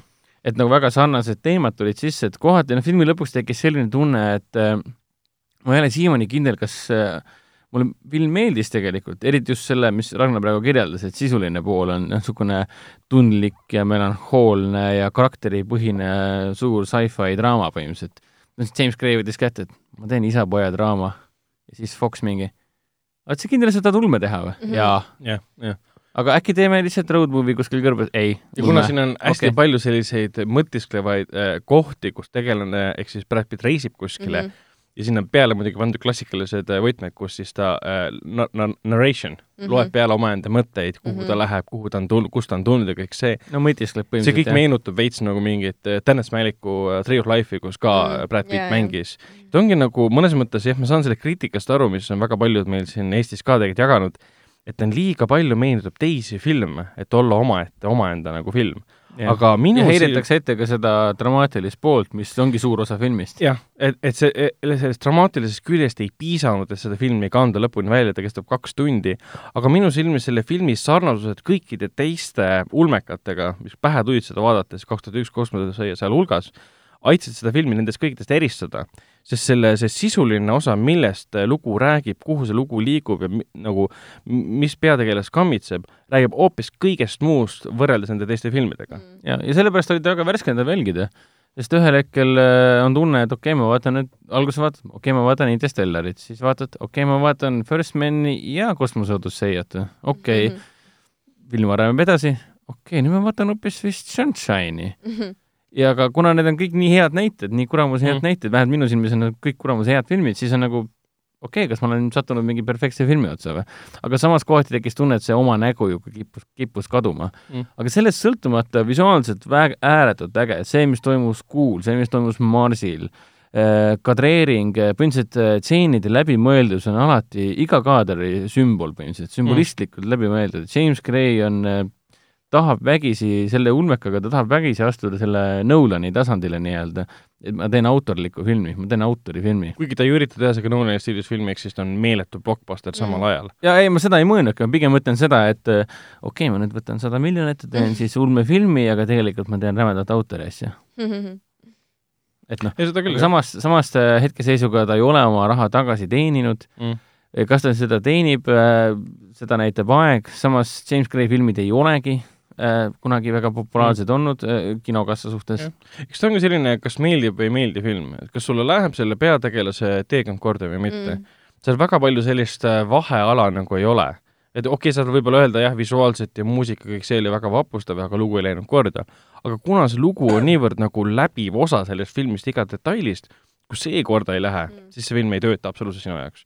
aga ütleme, muusika äh,, Lorne Palfe ja siis äh, Max Richteri muusika, sa vaatad seda filmi, sa vaatad neid kaadreid, sa oled lihtsalt, sa tunned, kuidas sind tõmmatakse mm. sinna kosmosesse kaasa, sest see muusika on selline, paneb sind elama ja aga point selle filmis ei ole nagu kaks tuhat üks kosmoses seia näiteks või, või Interstellar, et paneb mõtlema sind tulnukate peale mm. või eksistentsiaalsed äh, küsimused tekivad, ei, sul tekivad ikka alati needsamad teemad, mis kammitsevad ka peategelast äh, kus ta mõtleb selle peale, et minu isa pole kolmkümmend aastat minu elus olnud, minu ema suri haigusesse, ma olen alati üritanud isa moodi olla, nüüd tuleb välja, et isa on võib-olla reetur, kes ma üldse olen, kas ma olen isa sarnane ja kõik niisugused teemad ja, ja sa usud, sa, sa elad kaasa tema äh, sellistele, kuidas öelda, probleemidele ja tema, tema konfliktidele. samal ajal kõik see, et nagu maa vajab päästmist ja äh, isegi kosmoseralli kuu peal, see kõik nagu omandab vähema, väiksema tähtsuse kui see, mis peategelast nagu kammitseb ja see oli minu arust kõige lahedam äh, osa. muidu klassikaline on see, sa ütled, et aa, lugu oli niisugune mehhe, aga selles mõttes kosmosel, kosmose, eh, kuupiraatidega võitlemine oli väga lahe tseen, aga see on nagu veits nagu sa solvad filmi, siis mulle meeldis üks action stseen. jaa, et pigem oli see lahe, et äh, Biti tegelane nagu viis meid nagu rännakule ja vahepeal kommenteeris seda, et nagu üsna põlestavalt vaatas neid piraate ja mõtles, et jah, ronime kuu peale ja muud me ei tee, kui ressursside pärast hakkame kaklema kohe järgmisel planeedil. jah, lähme järgmisele planeedile või noh, kuule ja siis toome sinna ühe, mingid DHL-id ja, ja Äh, saabujaid ja kõik asjad kaasa muidugi. et kõik jätkub sama, et äh, ütleski, et äh, issand, kui mu isa praegu seda näeks, et mille nimel ta on vaeva näinud, et kogu isa karakteri eesmärk oli see, et ta rändas võimalikult kaugele, et leida äh, maavälist elu. mida, mida, mida keegi polnud kunagi veel leidnud, aga tema pidi seda tõestama. ja siis see suur saladus ongi siis seal Neptuuni kandis, kus ta miskipärast on, kus siis tulevad need suured äh, plahvatused, mis kogu maad ähvardavad mm. -hmm ja siis tema ülesanne on aru saada, kas ta siis leidis midagi, mis tal siis toimub, meie midagi ei ütle. aga film nagu ei, ei, filmi ennast nagu väga ei huvita see, kas ta leidis tulnukad või mitte. Mm., lugu ei ole sellest. ja jumal tänatud ei ole, muidu oleks olnud lõpus see, mingid tulnukad lehvitavad kuskil planeedi peal, et ta leiab selle, see lugu ei olnud sellest. et seal, mis mul lõpus nagu kajama jäi, üks lause, mis ta isale, isale ütles, isa ütles põhimõtteliselt, et ma olen läbi kukkunud kõikides oma, oma eesmärkides, mis ma tahtsin saavutada, saamata aru tegelikult, et ta saavutas väga palju mm, -hmm. ta läks kaugemale kui ükski teine inimene läks, ei suutnud seda nagu hinnata. ja siis poeg ütleb talle põhimõtteliselt, aga noh, et isa ütleb siis põhimõtteliselt ka, ma avastasin, et me olemegi kõik üksi siin universumis. siis poeg ütleb talle põhimõtteliselt, et äh, aga sa ei ole üksi, et meie oleme tegelikult ju olemas mm, -hmm. et sa ei pea minema niivõrd kaugele meist, et aru saada, et ma olen kogu aeg sinu jaoks olemas olnud mm. -hmm niisugune väga inimlikud teemad, et miks inimesed põgenevad perekondade juurest ära, ei oska hinnata seda, mis neil on sama, sama probleemi, jaa, et sama probleemi käes on ka Brad Pitti tegelane, et kogu aeg mõtiskleb kõikide tehtud ja tegemata jäänud tegude üle, et ma olen nüüd siin kaugel kosmoses üksinda ja, ja mida ma ometi teinud olen, kõik, kõik endast -hmm. eemale peletanud ja, ja halb, halb inimene põhimõtteliselt olnud. mina vaataksin seda filmi vabalt uuesti. jah um,, sama. Õnneks me vaatasime seda iSense'i saalis, mis oli üsna selles mõttes õhtul hilja, pool kümme tühi selles mõttes rahulikult sai vaadata, keegi kuskil inised nurgas ei krabistanud, ma sain üksi rahulikult krabistada, ilma et keegi hakkaks õiendama. ja kuidagi tõmbas jah sisse, et seal olid mitmed väga üllatavad asjad, üks oli muidugi see kuu mm -hmm. võitlus, kus nad liikusid ühest kuubaasist, kuubaasist teise. enne räägiti aga sa pead ju palju spoilida okei okay,, ma ei spoilida väga palju. ma arvan ka, et aga seal mõned, mõned üllatavad momendid olid veel, seal vist kolm-neli seal on tükki. palju action-rikkaid momente, mis tõesti juba kohe filmi alguses, mis tõesti panevad südame kiiremini puperdama. ja kõik, minu arust kõige huvitavam on see, kuidas James Gray, Gray oli selle asja kokku õmmelnud nii-öelda mm.. et ta on suur äh, nagu voolav äh, seiklus, aga samal ajal hästi tundlik ja mõtlema panev mm. ja, ja iga episood oli niivõrd äh, loomulikul moel üks asi vist teiseni ja ei olnud mingisugust sundust või tagatilükkamist, isegi Interstellaris on seda tunda, et oh, ma nüüd avastan, et siin on mingi baas, oi, mind nüüd saadetakse kosmosesse ja nii edasi, et noh, ikka see mingi mm. -hmm. ma lähen seiklusele, siin ei ole seda pigem on see, et mingi okei okay,, mul on vaja isa leida. ma siis lähen otsin ta ülesse, ma lähen põhimõtteliselt bussi peale, sõidan, sõidan kuu peale. Lihtsalt, ja kõik on umbes niimoodi, et ma olen sellega harjunud tegema, hästi niisugune sisse elatud äh, keskkond põhimõtteliselt. Mm., ei ole midagi sellist, et mingit Hollywoodilikku suurustlemist siin ei ole, et siin on kosmoselaev, sa lähed sinna sisse, nüüd ma räägin sulle põhjalikult, millest see kõik tehtud on ja ei ole jah, kõik on umbes nii, et jaa, mul on vaja sinna minna ja ma ei hakka sellest pikemalt rääkima. üle pika aja tõesti niisugune tunne, võib-olla viimane tunne selline oli Blade Runner kaks tuhat nelikümmend üheksat vaadates, kus hakkasid mõtlema, kuidas kurat te seda filmisite, tahaks nüüd näha produktsioonipilte. siin samamoodi, ma õrna kuidas osad asjad olid filmitud, ma tahan näha, kuidas te, mis stuudios te seda tegite, kas te panite mingid hüdraulilistel asjadel mingid äh, keskkonnad liikumas, saaks seal filmida või, või kuidas selle valguse kätte saite mm, -hmm. kas see oli kõik color correction või, või kuidas, palun öelge mulle, kuidas te tegite seda ja see on niisugune lahe niisugune tunne, sest tänapäeval on niisugune tunne, et me enam-vähem teame, kuidas kõik filmid on tehtud mm. -hmm. noh, digitaalselt põhimõtteliselt.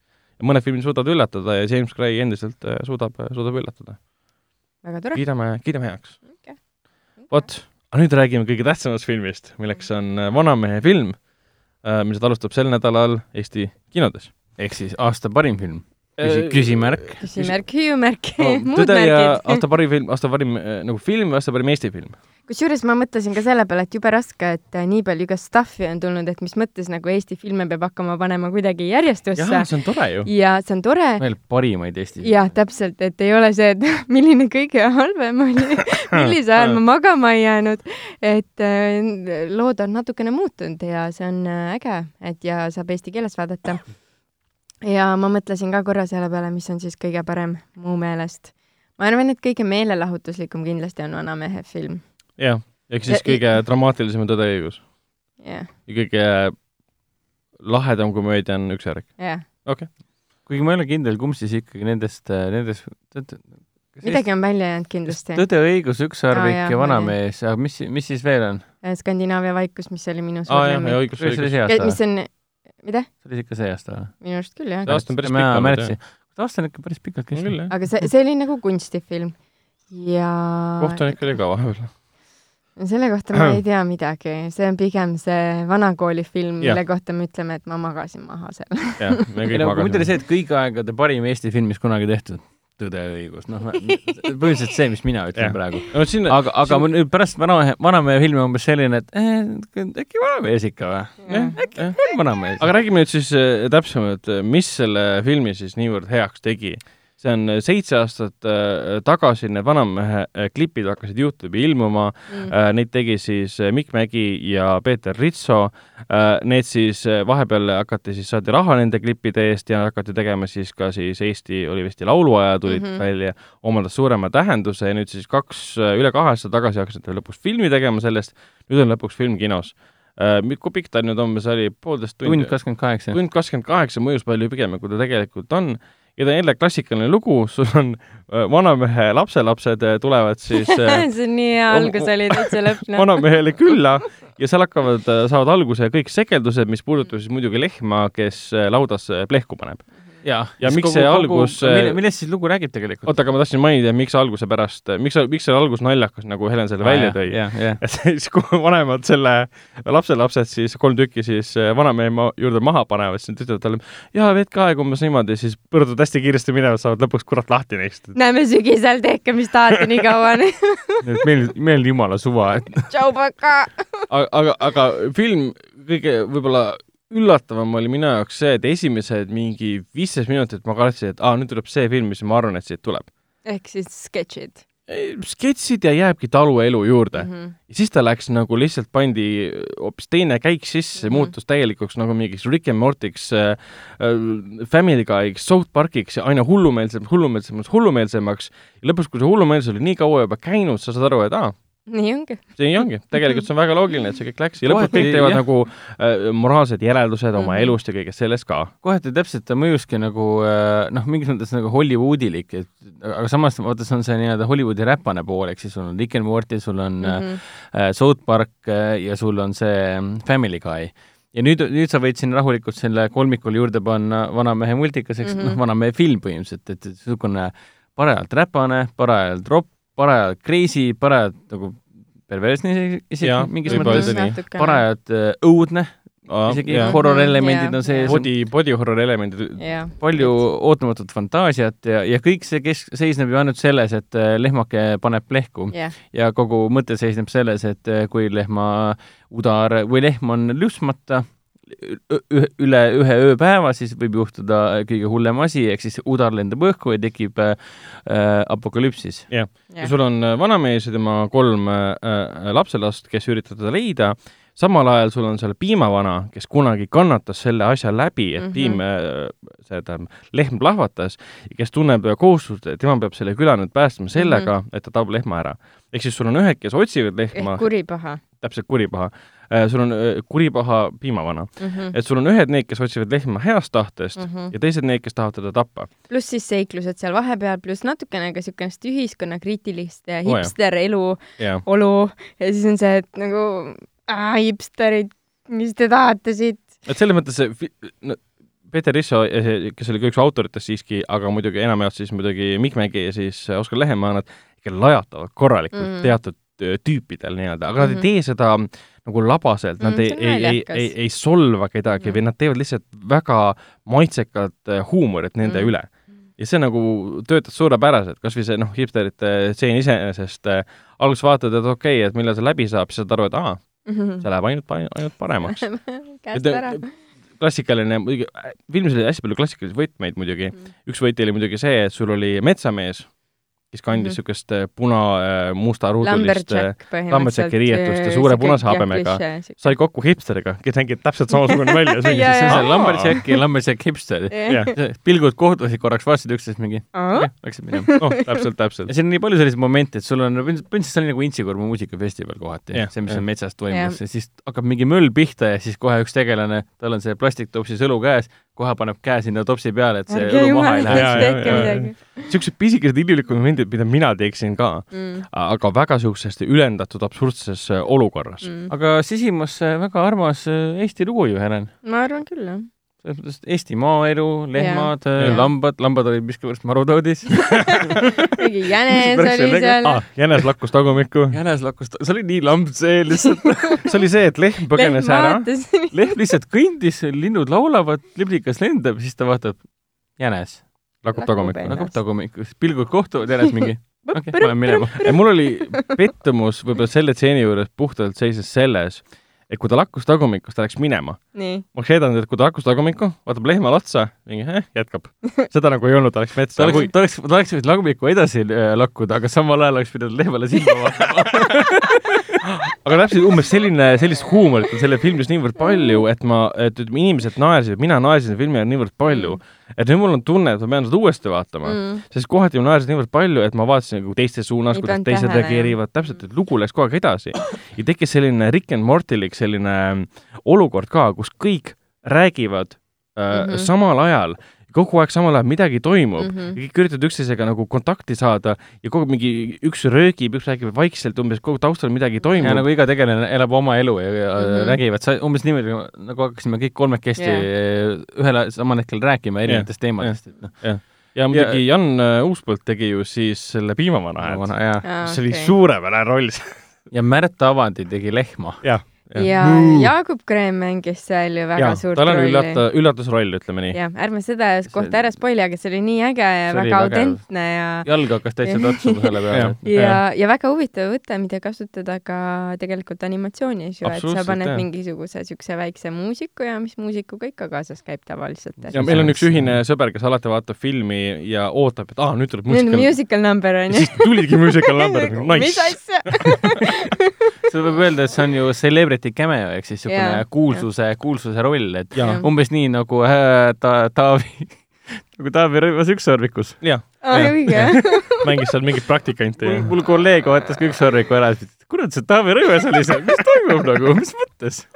Aga toome välja võib-olla ka selle, et kui, kui filmilikult kohati see film on lavastatud ja, ja, ja valgustatud eriti. et ühelt poolt peaks olema ju nukufilm, sa pole, noh, Eestis oled ju harjunud nägema nukufilmi. lihtsalt et, keegi kuskil natuke tatsab ja mingi muru ja nii, aga tegelikult äh, siin on väga-väga palju rohkemat. kui sa teed stop motion animatsiooni ja hakkad seal kasutama pikki kaadreid mm., kus valgus muutub, see muudab asja kohe-kohe keerulisemaks ja aeganõudvamaks aga nad tegid selle ära. Pluss äh, igast plaanid ja valgustused ja, ja. nagu hästi, mõned asjad olid hästi soft'id või kuidagi hästi siuksed pehmed, et äh, ega seal ei olnud nüüd nagu mega palju neid eriefekte ega midagi, et mm. selles suhtes natuke oli, aga ei olnud nagu siukest tunnet, et kõik on mingi fake või, või ma ei tea, kuidagi siuke mahe, mahe mm. kunstnikutöö oli väga mõnus, et mulle meeldis yeah., et need taustad ja, ja maastikud, et ei olnud siukene tüüpiline mingi lage, mingi aas kuskil, vaid oli nagu siuke künkaline ja puukesed ja ma ei tea. korralik Eesti maaelu propaganda. film andis mõista põhimõtteliselt ka, et kolige maale tagasi, et Tallinn pole see. lehm ja ma ei tea yeah., piim samas, samas nagu süda, südamlik, oota, mis see nali siin seisneski, et äh, Äh, kas oli üks tegelastest oli see, et kõik tahtsid saada rämedat palju piima ja Mhm. piima ja piima ja siis aa, seesama väike pliidik hakkas äh, filmi lõpuspoole rändima ehk siis äh, omaette karjuma, et mis, mis kuradi piim, mida te joote siin piima, ma joon mingit äh, sojalatet ainult, mingi sojapiima aa, ja siis ta karjus põhimõtteliselt, et ma sain eile teada, et piim tuleb üldse lehmast, mida kuradi. siis ta vaatas hundile otsa, kes oli just teda hirmutanud, et karjus talle, mida sa üldse passid sinna, et nagu jää üldse vait. tahad lõuga saada see hunt hakkas kartma mingi, et mis asja, ma joon mingit sojapiima, mis asja, piim Siis see- tuleb lehma see seest hunt ja see hunt oli animeeritud niimoodi, et ta pea liikus ja pilgud, pilk käis et mis, toimub niisugune ehmunud pilk oli ka, et siuksed väiksed asjad, et mm. mm.. võibki öelda, et äh, ta on poolteist tundi ja tohutult äh, nagu kaks kaks aastat või, kaks-kolm aastat Mm. tehti, see on tohutu töö tegelikult mm. nupufilmi teha. ja kõige rohkem on üllatunud selle üle, et ta nagu filmina, mängufilmina tegelikult on ta täielik tervik. jaa. Siin olid äh, naljad, mis olid äh, jooksvalt üle kogu filmi äh, paika pandud, siin Mm. mm. olid karakterid ja nendel, neile omased siuksed Mhm. naljakad elemendid, need olid jooksvalt alati olemas mm. Mhm. midagi kadunud ära, midagi lambist ei tekkinud, kõik oli väga läbi põimunud, korralikult läbi mõeldud, ilus mm. tervik, kõik naljad, kõik tegelased, kõik see huumor, ma olen nagu siiamaani siiralt üllatunud, või noh, siiralt üllatunud, Oskar, Oskar Lehemaa ja, ja Mikk Mägi, režissöörid on ikkagi eh, tunnustatud kujud, et noh, Oskaril on ju Karva nimeline eh, õudusfilm ka väljas ja võidab siin festivalidel auhindu ja väga hea film on eh, selle aasta Haapsalu õudus- ja fantaasiafilmi festivali see esilinastus mm.. ja tõesti väga dramaatiline ja äge film. See sai nüüd seal äh, Fantastic Festil ka mingi auhinna mm. Mhm. Mhm. kuskil et, võttis et mõlemad on korralikud käsitöömeistrid ja mm, -hmm. ja kohe näha, et nad on täielikud äh, žanrifriigid, ehk siis mm Mhm. -hmm. nad väga hästi mõistavad, mis on naljakas, mis on äge Mhm. fantaasia, mis on äge õudus, mis on täielik absurdne huumor. Mhm. absurdne muidugi jah, selles mõttes, et kuna film on alla kaksteist keelatud, Mhm. siis siin võibki öelda, et siin on, kuna ma mainisin body horror'it, Mhm. mida tähendab body horror? no räägi meile, mida tähendab. et kui me võtame siin David Cronenbergi filmid näiteks äh,, varasemad filmid, ma arvan, et see video tekitab rohkem küsimusi. ma arvan ka, et see on nagu igatahes kes, kes või mis on David Cron- The Cronenberg? Fly või siis äh, Videodrome või, või ütle kohe, et keva, kehaala rüvetamine, noh. eksistents äh,, põhimõtteliselt jah, keha äh, rüvetamine ja selle kokkupanemine teiste asjadega mm. -hmm. ja need elemendid, eriti lõpupoole tulevad siin filmis nii selgelt sisse, et kohati mul oli niisugune hirm, et issand, kas lapsed saavad nüüd mingit šoki siit mm -hmm. ja Mhm. trauma, sest see nägi Mhm. nagu asi välja, et mina oleksin väike, ma ehmataksin selle peale. aga no samas nagu ma usun, et siin jääb ka see faktor, et kuna nad täpselt aru ei saa, oleneb, mis vanusest me muidugi räägime, aga aga noh, mingid, kui on veel väiksemad, nad tõenäoliselt ei saa aru Mm. mm., mis juhtus, onju. Kaheteistaastased tõenäoliselt saavad juba aru, mis juhtus, et noh, siin nagu siukse nüanssidega siukest äh, natuke liig võib-olla, kui sa oled ikkagi mingi, no Jah. viisteist on suva, neil on, neil on, need näevad hullemaid asju on internetist. aga, aga kui sa oled ja mingi kümme, kaksteist, siis mõned asjad, noh, natukene nii-öelda verd on, onju, ja Mm. Et äh, mingid asjad võib-olla olla natukene lauaviina joomist on ikka palju. lauda. jah, lauda, laudaviin lau-, laudaviin. et see on nagu põhigeneraator, et siis no siukseid asju on, aga ma, ei tea, ma arvan, et mingid asjad lastele meeldivad kindlasti, et nad saavad aru sellest ja need tegelased on ju nukud ka, et see Jah. on nagu nii friiki, aga äge Jah, nagu samas, kui, kui Mm. sa, kui sinu lapsed, kallis kuulaja, kui sinu lapsed on äh, harjunud juba vaatama Vanamehe multikaid Youtube'ist, siis tõenäoliselt ei ole vahet enam. see ei üllata koos vaadanud, siis ta ei lähe karmimaks kui Mm. need, mis on juba olnud Jah. võib isegi öelda, et on isegi vähem roppust nii-öelda,, sest noh, softimad natukene võib-olla. mõnes episoodis seal Vanamehe multikas Youtube'is oli ikka päris palju siukest mm. -hmm. Mm. korralikult. võim-, võim-, võimsat, võimsat ropendamist. kuigi käivad jutud, et sellest filmist äh, oli mingil hetkel ka palju selline äh, ropum ja verisem ja ütleme, R-rated variant mm. -hmm. mis nüüd kinosse ei jõudnud, et saada seda õiget reitingut. et loodame, et tulevikus ka on see Mhm. siis nagu Blu-ray kujul või DVD kujul või siis lihtsalt mingi eriseanss, et me näeme seda nii-öelda ropumat versiooni ka mm. -hmm. julget. jul-, julget versiooni. aga ikkagi äh, alla kaksteist keelatud filmis, mida tegelikult lähevad ka lapsed vaatama, siin oli päris palju selliseid, kuidas öelda, humoorikaid momente, mis tundus, et publikul võttis kaua aega, et aru saada kas naljast või see, kas ma tohiksin naerma hakata. no mõned mis puudutab nagu,, ma räägin siis eh, seda puud ja, ja seda jaa. autot ja kõike seda. mõned nagu meie naersime kohe, aga noh mm. Mm., aga siis, siis me saime vist ise ka aru, et kuule, me oleme ainsad, kes siin naeravad. ei ole, kõik naersid, mis asja. ei, aga selle puunalja juures oli küll see, et nagu paar üksikut inimest naersid alguses, kuna see kestis hästi kaua, see yeah. puutseen. siis vähemalt oli alguses niimoodi, et vaikus oli majas ja ainult mina ja vend naersime kõige rohkem.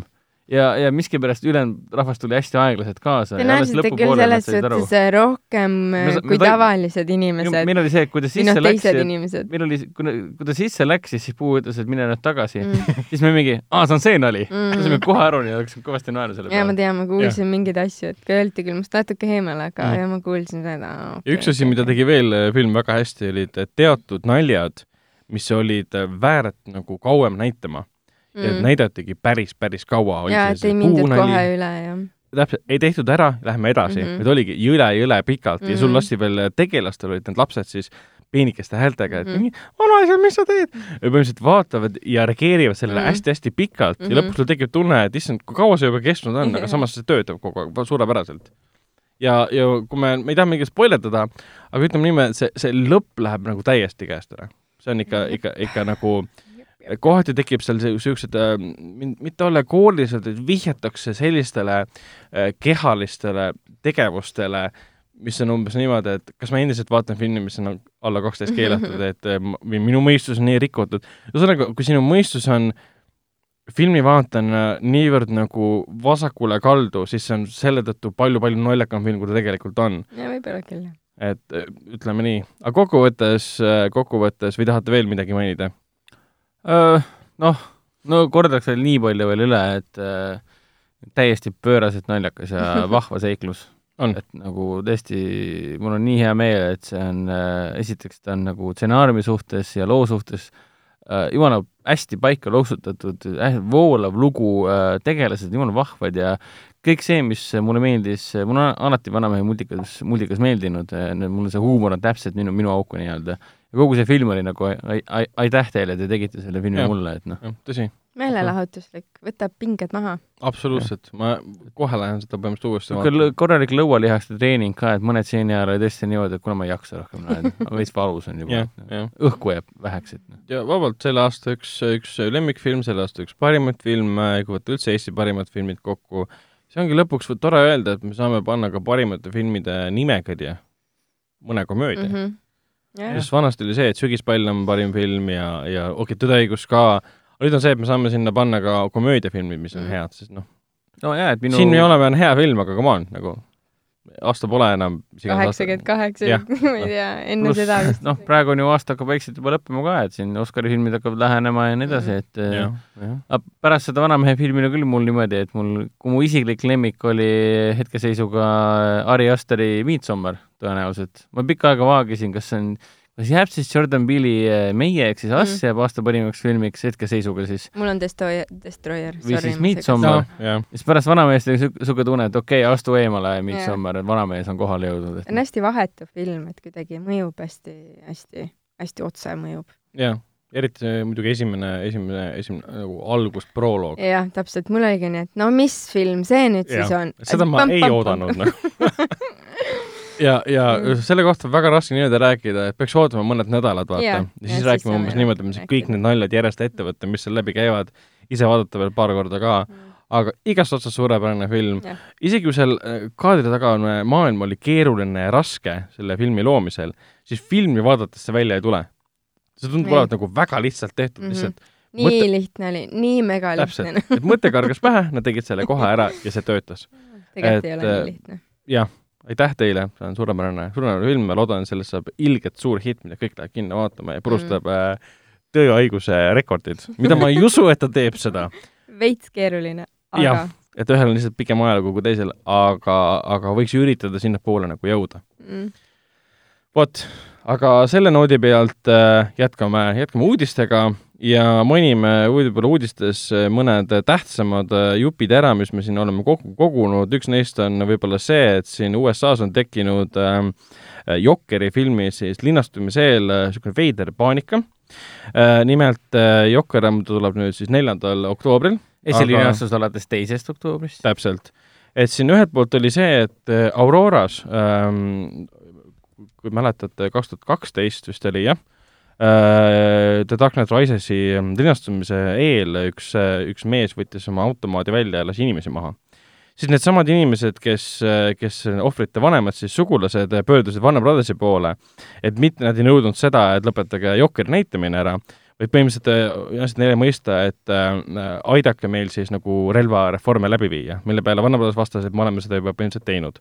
ja siis tuli uus teade, kus siis äh, USA sõjavägi andis sõjaväelastele teada, et olge valmis Jokkeri linastuste ajal intselite vägivallaks. kohutav et kuna Jokker räägib mehest, kes läheb aina hullemaks mm. -hmm. ja lõpus kes on, pöördumatult muutub täiesti ühiskonna heidik, võib öelda. täiesti pööraseks, muutub teistele ohtlikuks, mis on klassikaline tegelane, kõik teavad mm., et ta on seda, siis arvatakse nüüd, et see film on üleskutse Mm. kõikidele nendele hulludele inimestele, need intselid, kuidas neid mm Mhm. -hmm. nimetatakse, et ta vaatab seda filmi, saab sellist innustust ja julgustust võtta relva välja, hakkab tulistama. ebareaalne. ja siis äh, Todd Phillips, režissöör vastas sellele, Joaquin Phoenix vastas sellele, stuudio vastas sellele, ütlesid, et selliseid filme on tegelikult kogu aeg tehtud mm, -hmm. eriti Todd Phillips mainis seda, et miks nagu John Wicki linastumise ajal seda keegi ei rääkinud või kuidas minu film sellest niivõrd palju erineb mm. -hmm. et miks me nüüd räägime minu filmiga seoses, et minu film kutsub üles vägivallale ja siin stuudio ja siis äh, produtsendid sari ja mõrtsukatest tehakse filme, Ted Bundist Mhm, tehakse filme ja nüüd on siis Jok-, ma saan aru ka, Jokker on äh, kõige inimtuntum ko- kogu maailmas äh, tegelane, karakter. massikultuuri, popkultuuri kuuluv karakter ja noh, siin oli selle filmi tootmisega erinevaid probleeme, kus Warner Brothers ütles ka põhimõtteliselt, et oh, sa teed nii nagu R-rated filmi, väga psühholoogilise mm. -hmm. filmi Jokkerist, kes on meil tegelasena äh, mingi Coca-Cola äh, pudelite peal mm. -hmm. lõbus tegelane. aga siis nagu Todd Phillips üritas selgeks teha, ega ta pole koomikstes kunagi lõbus tegelane, ta on hullumeelne mõrvar olnud, millest te räägite? me oleme lihtsalt harjunud sellega, et ta on lõbus tegelane sest ülejäänud mingi kümme tuhat Jokeri filmi on kõik tema suure naeratava näoga ja Täpselt. ma ei tea, mis iganes lõbusate kostüümide ja kõikide siukeste asjadega. Ja no ega Dark Knight omal ajal ka, Jokker oli seal ju väga võigas äh, tegelane, kes külvas äh, terrorit ja tappis süütuid inimesi.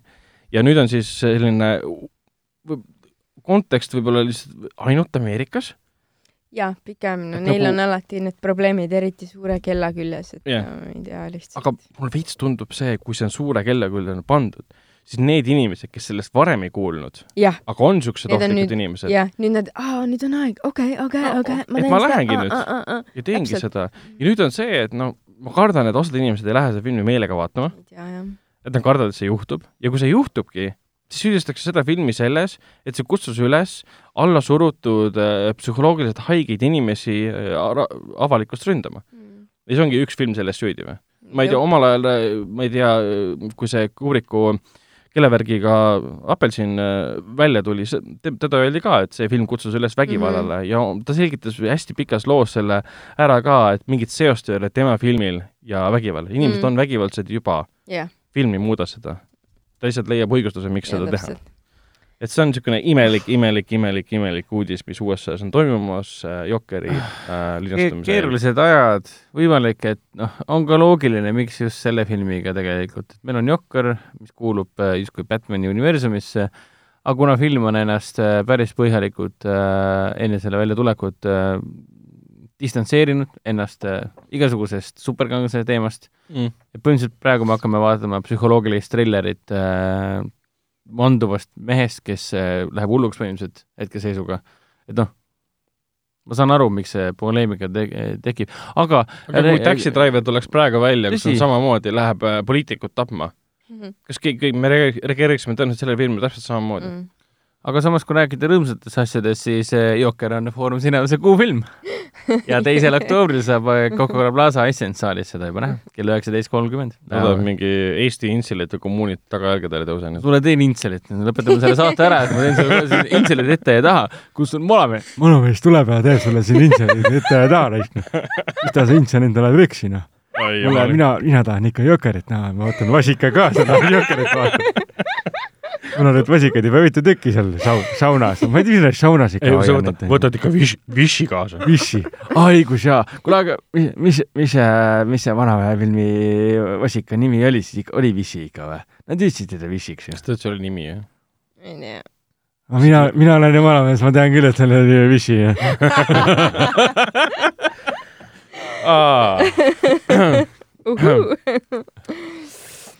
okei, selge. rääkides asjadest, mis ei puuduta Vissisid ja asju, siis äh, järgmine uudis on minu isiklik lemmik. Kas te, okei okay,, aitab küll järgmine uudis, uudis puudutab sellist režissööri nagu Yon Ho Bong, kelle film Parasiit, Parasite alles, alles linastus ka Eesti kinodes ja millele ennustatakse nüüd ka siis võrgelse Oscari mm -hmm. võitu. Parasiit oli väga, väga, väga, väga, oi vabandust, kurat, ma ei teagi, mis mu aasta lemmikfilm on. Parasiit äh, oli nii hea ja kurat, võtaks. aga lähme tagasi Yon Ho Bongi juurde, tema üks esimeste hulgas olnud filme tema läbilöögi film. mõrva memuaarid, Murders, Memories of Murder, mis oli siis üheksakümne viiendal aastal oli see aset, äh, pärast seda, kui Lõuna-Korea oli just äh, vabanenud sellisest äh, politsei sõjaväelisest diktatuurist, ühes prefektuuris siis, kus leiti mitu naist mõrvatuna ja siis peategelased ajasid seal taga sarimõrvarid, keda nad kätte ei saanud, väike spoiler siin. filmi sündmustik oli tegelikult kaheksakümne kuuenda kuni üheksakümne esimese aasta vahel. ah, okei okay,, vabandust, jah ja see põhines oli... siis tõesti sellel lool, ehk siis reaalselt täpselt. oligi nendel aastatel kaheksakümmend kuus kuni üheksakümmend üks äh, registreeritigi ära nii-öelda Lõuna-Korea esimene sarimõrtsukas, kes ja. siis ründas naisi äh, ja, ja põhimõtteliselt tappis neid ja teda kuidagi kätte ei saadud. võimatu oli teda leida äh,. ja film on muidugi ääretult äh,, ääretult hea, ta on nagu sama, põhimõtteliselt sama hea kui Parasiit parasiit on fantastiline, siis minu meelest, minu meelest Murder on isegi, isegi parem, et taaskord võime siin, ma olen seda tõenäoliselt maininud ka varem, aga ja. kui tahad kunagi teha Lõuna-Korea kinoga tutvust, siis ähm, Junho Bongi äh, Memories of Murder on nagu A ja O, millest peab alustama, et see on see, see on see piibli esimene miks me sellest filmist räägime, on see, et Lõuna-Korea siin politsei andis hiljuti nüüd teada, et nemad on tuvastanud mehe, kes olid nendes mõrvades, kes oli Eks nendes mõrvades süüdi. ligi kolmkümmend aastat, ligi kolmkümmend aastat hiljem äh, tuvastati ära, et vanglas istub äh, sarnaste roimade eest, noh, vägistamiste ja tapmiste eest üks mees äh,, ja nad võtsid, neil on ikka veel ju, see on külm, külm juhtum ja neil on asitõendus siiamaani alles, äh, mis on nendest mm. õnnetutest naistest alles jäänud. Nad võtsid DNA-proovid ja põhimõtteliselt match. see ongi mm. seesama mees, kes istub seal vanglas. ja teda nendes mõrvades, kolmekümne aasta tagustes mõrvades enam süüdi mõista ei saa, äh, sellepärast et see, ma ei tea, kuidas eesti keeles on, aga see limiit on läbi saanud, sa ei saa enam kohtu alla panna inimest, kelle äh, aegunud on, kuritegu on aegunud. kuritegu on aegunud, et kui muidu oli see mingi viisteist aastat, siis nüüd on kolmkümmend aastat möödas, nii et siis põhimõtteliselt seaduslikult sa ei saa teda kohtu alla panna. kuidas mõrva eest ei saa nagu mm. inimesi teatud aja pärast enam süüdistada? jah, aga ega, samas ega..., samas, samas ta istub juba vanglas niikuinii. aga äh, mõtle, kui ta saab ühe-kahe aasta pärast välja. no mis siis saab? vähemalt, vähemalt ta on teada, kes ta on selles suhtes ta on märgistatud Lõuna-Korea tõenäoliselt läheb kuskile andmetesse, andmekogu, kogudesse ikkagi kirja, et, et ta on nende asjadega seotud olnud isegi kui süüdi mõista ei saa. küllaltki hämmastav, et see lõpuks leidis lahenduse ja veel, veel meie eluajal. väga crazy tõesti oh. üsna, üsna hirmus lugu oli see tegelikult. ikka õudne. midagi head ka uudistes on nagu, mis asja. no hea uudis võib-olla on see, et äh, me ju Jokkerist vaikselt siin rääkisime, et lähme tagasi superkangelaste filmide juurde äh, seoses Kevin Feigiga, kes on siis muidugi kogu selle MCU ehk siis Marveli kinouniversumi peaarhitekt olnud tema puhul siis anti teada, et Disney tahab, et tema võtaks põhimõtteliselt üle äh, Disney toodetud äh, Lucasfilmi Star Warsi loomise. mis tähendab seda, et tema hallata on kõik järgmised Star Warsi triloogiad, mida me teame, et esimesed kolm on nüüd siis ülejärgmisest aastast juba vist, kaks tuhat kakskümmend kaks tuleb esimene, kakskümmend kolm vist, ma ei mäleta täpselt neid kuupäevi, aastaid enam. tema võtab nende nii-öelda juhendamise nüüd üle mm. -hmm ja tundub, et osad on, kriitikud on veendunud, et põhjus seiseski selles, et kuna Bob Igeriga, kes on Disney CEO, tehti hiljuti tohutu pikk intervjuu mm, -hmm. kus ta põhimõtteliselt tunnistas jah, et äh, nende uute Star Warsi filmidega on väga-väga-väga kiirustatud mm. ja miks need filmid, mõned kukkusid niimoodi välja, et nagu fännid läksid täiesti mm -hmm. tagajalgadele, et issand, Last Jedi sülitas minu lapsepõlvele mm. -hmm. ta ütles jah, see põhjus võiski selle, seisneda selles, et meil oli vaja kiiresti nagu graafik no täita. iga aasta, nad andsid iga aasta välja ju. jah, ja miks soolo praegu, läbi kukkus mm -hmm. praegu on reaalselt nagu paus olnud. on ja. ikka või? on küll jah, sest kuskil ei ole jälle mingit lightsabereid olnud. soolo oli eelmine aasta või? Uh, vist oli jah, eelmine aasta. nüüd järgmine eelmise tuleb siis äh, kakskümmend detsember tuleb see viimane nii-öelda siis. eelmise aasta suvel oli see yeah. soolo ja nüüd kaks tuhat üheksateist detsember tuleb järgmine, et see on osa sellest nii-öelda yeah.. järgmisele Star Warsini on kõvasti aega selles suhtes. nüüd saab see nii-öelda see, noh, okei okay,, esialgne Skywalker mm. triloogia sul läbi, aga seda on näha selles suhtes nagu räme, mismoodi nad push isid seda tehasest välja no. sul oli ju mm. see esimene Force Awakens, ähm, siis tehti sul see Rogue One, kus oli ka kohutavalt palju reshoot'e, siis oli vahepeal see ähm, Last Jedi, siis oli Solo ja täpselt, ja, ja hästi palju tegid järjest ja nüüd siis tuleb viimane, ehk siis võtavad väikse pausi. ja Kevin Feige, kuna ta on tõestanud, et Marveli äh, kinouniversum oli väga edukas tema käe Mhm. all, Disney loodab, et ta teeb siis uue universumi, mis puudutab siis Star Warsi ka edukaks. kuna see ei puuduta enam Skywalkerid Mm. mm. ega Darth Vaderid ega neid tegelasi, vaid täiesti uusi inimesi okay.. et no vaatame, mis, mis tema karmi käe all nii-öelda sünnib siis, et äh, praegu on teada, et vähemalt äh, Spider-man tema käe all tulevikus äh, ei, ei, ei, ei tööta. seda on või endiselt siis teada. äkki, äkki see samune Disney ostab lihtsalt Sony ära, et on kõik, aitab naljast. mingi kuulujutt käib, et äh, ostabki ära või? Disney, sa ei saa. Apple tahab ära osta Sony vot see on pigem võimalik. Apple või? jaa, ja siis Mida neil on neil on tehtud kokkulepe, et kui Apple ostab ära Sony, nii, siis saab Disney Spider-mani endale. Aga see on mingi kuulujutt, mis kuskil leib, seda ametlikku pole kirjutatud, kinni, kinnitatud mitte kuskil. ma ei tea, lõpetage see on suht veider asi mm. Mhm. -hmm. ja põhimõtteliselt äh, veel üks kuulujutt oli see, et Disney valmis ükskõik mis summasid maksma mm, -hmm. et Mhm. äh, see tegelane endale saada, et Sony sealt Mm. tulevikus enam midagi ei saaks. et vaatame, mis neile, juhtub ähm,. Äh, räägime veel kangelastest äh,. Robert Pattinson, kes siin Eestis käis ka äh, Nolani filmi äh,, filmimas, Robbie, Robbie. tema puhul selgus, et äh, ta saab üllatavalt vähe äh, Jah. Batmani rolli eest, mis Jah. nüüd kaks tuhat kakskümmend üks tuleb kinodesse. ta saab viis miljonit selle eest. aa, see on küll Hollywoodi mõistes vähe, jah. ju siis ta ei nõudnud Aga- rohkem oma agentidega. pigem tundub jah veits nagu see, et okei okay,, sa oled näitleja, sa võiksid nõuda läbi Warner Brothersi mingi kolmkümmend Jaa. endale, aga samas inimesena viiest miljonist veits piisab nagu, et sa ei pea minema Hollywood Boulevardi ostma endale kahesaja Jaa. miljonilised maju kohe ju. Mhm. äkki sa elad oma korteris edasi nagu Keanu Reaves ja oled rahul selle viie miljoniga. ja tundub, et tema on selline tüüp. Aga. Jonah Hill, keda kaalutakse ühe nagu pahatiku rolli, ei teata, kas on Mhm. see mõistatusmees ehk siis Riddler või siis ähm, pingviin ehk siis penguin. tema väidetavalt on juba mingi mitu kuud Mhm. hoidnud seda teavet enda käes, et ta võiks seal filmis osaleda. miks pole lepingule alla kirjutatud, kuulujutud siis on sellepärast, et ta tahab saada kümme miljonit selle rolli eest. Rohkem kui peaosaline. jah. ja põhimõtteliselt Anne Padres pole sellega nõus. no ilmselgelt. et nad siis praegu ilmselt on see, et ütlevad, ei kuule, Robert, võta ikka siis kakskümmend vastu, me anname kümme Jonah Hillile. et aga paneme asja tööle nagu, aitab naljast. et niisugune imelikud jutud käivad ja siin üldjuhul räägitakse ka Jeffrey Wright ehk siis näitleja, kes mängis Kohaka linnus ja tegi suurepärase rolli äh, Westworldi esimeses hooajas, teda kaalutakse siis ähm, politseinik, politseiülemas siis James Gordoni rolli, keda varasemalt on siis siin kehastanud ähm, J. Jonah James äh, J.K. Simmons ja siis äh,, siis äh, Gary Oldman. samuti Jeffrey Wrighti näeb äh, väga ägedas äh, rollis, väga väikses ja väga ägedas rollis äh, hetkel äh, Foorum Cinemas kinodes, Foorum, Foorum Cinemas äh, kinodes jooksvas filmis nimega Ohakalind, mille peaosas on Ansel, Ansel Elgort. ma just mainisin seda, aga okei okay.. okei okay,, ma ei kuulanud. vähemalt Ma oli väga ilus sissejuhatus. ma püüdsin tark olla rahuliku häälega rääkida. ei, sa panid konteksti ja infot juurde, mida mina, mida mina ei teinud. räägime natuke Irishmanist, et e- enne veits mainisime filme, millel kas on filmi Irishman, eesti keele pealkiri oleks Iiri mees või? iirlanne pigem siis. ma paneks Iiri mees. iirimees ei ole sõna esiteks. päris tõeline ma tean, aga see oleks palju. originaalsem. iirimees ei ole eesti keel. Ma tean, aga see on palju naljakam ja huvitavam kui see on nagu see, et sa ei pane, vaata Aasia hullud rikkad oli eestikeelne tõlge mm. -hmm. ma oleks pannud äh, äh, hullud rikkad asiaadid. see kõlab veits, ma oleksin pannud ma oleksin pannud, see on Crazy Rich Asians, see on tegelikult eestikeelne tõlge on rupult rikkad asiaadid, nojah, aga näid. aga noh, asiaat, noh jah. samal on kõik kilid, et. aga Irishmani suhtes, selle tuli uus treiler välja.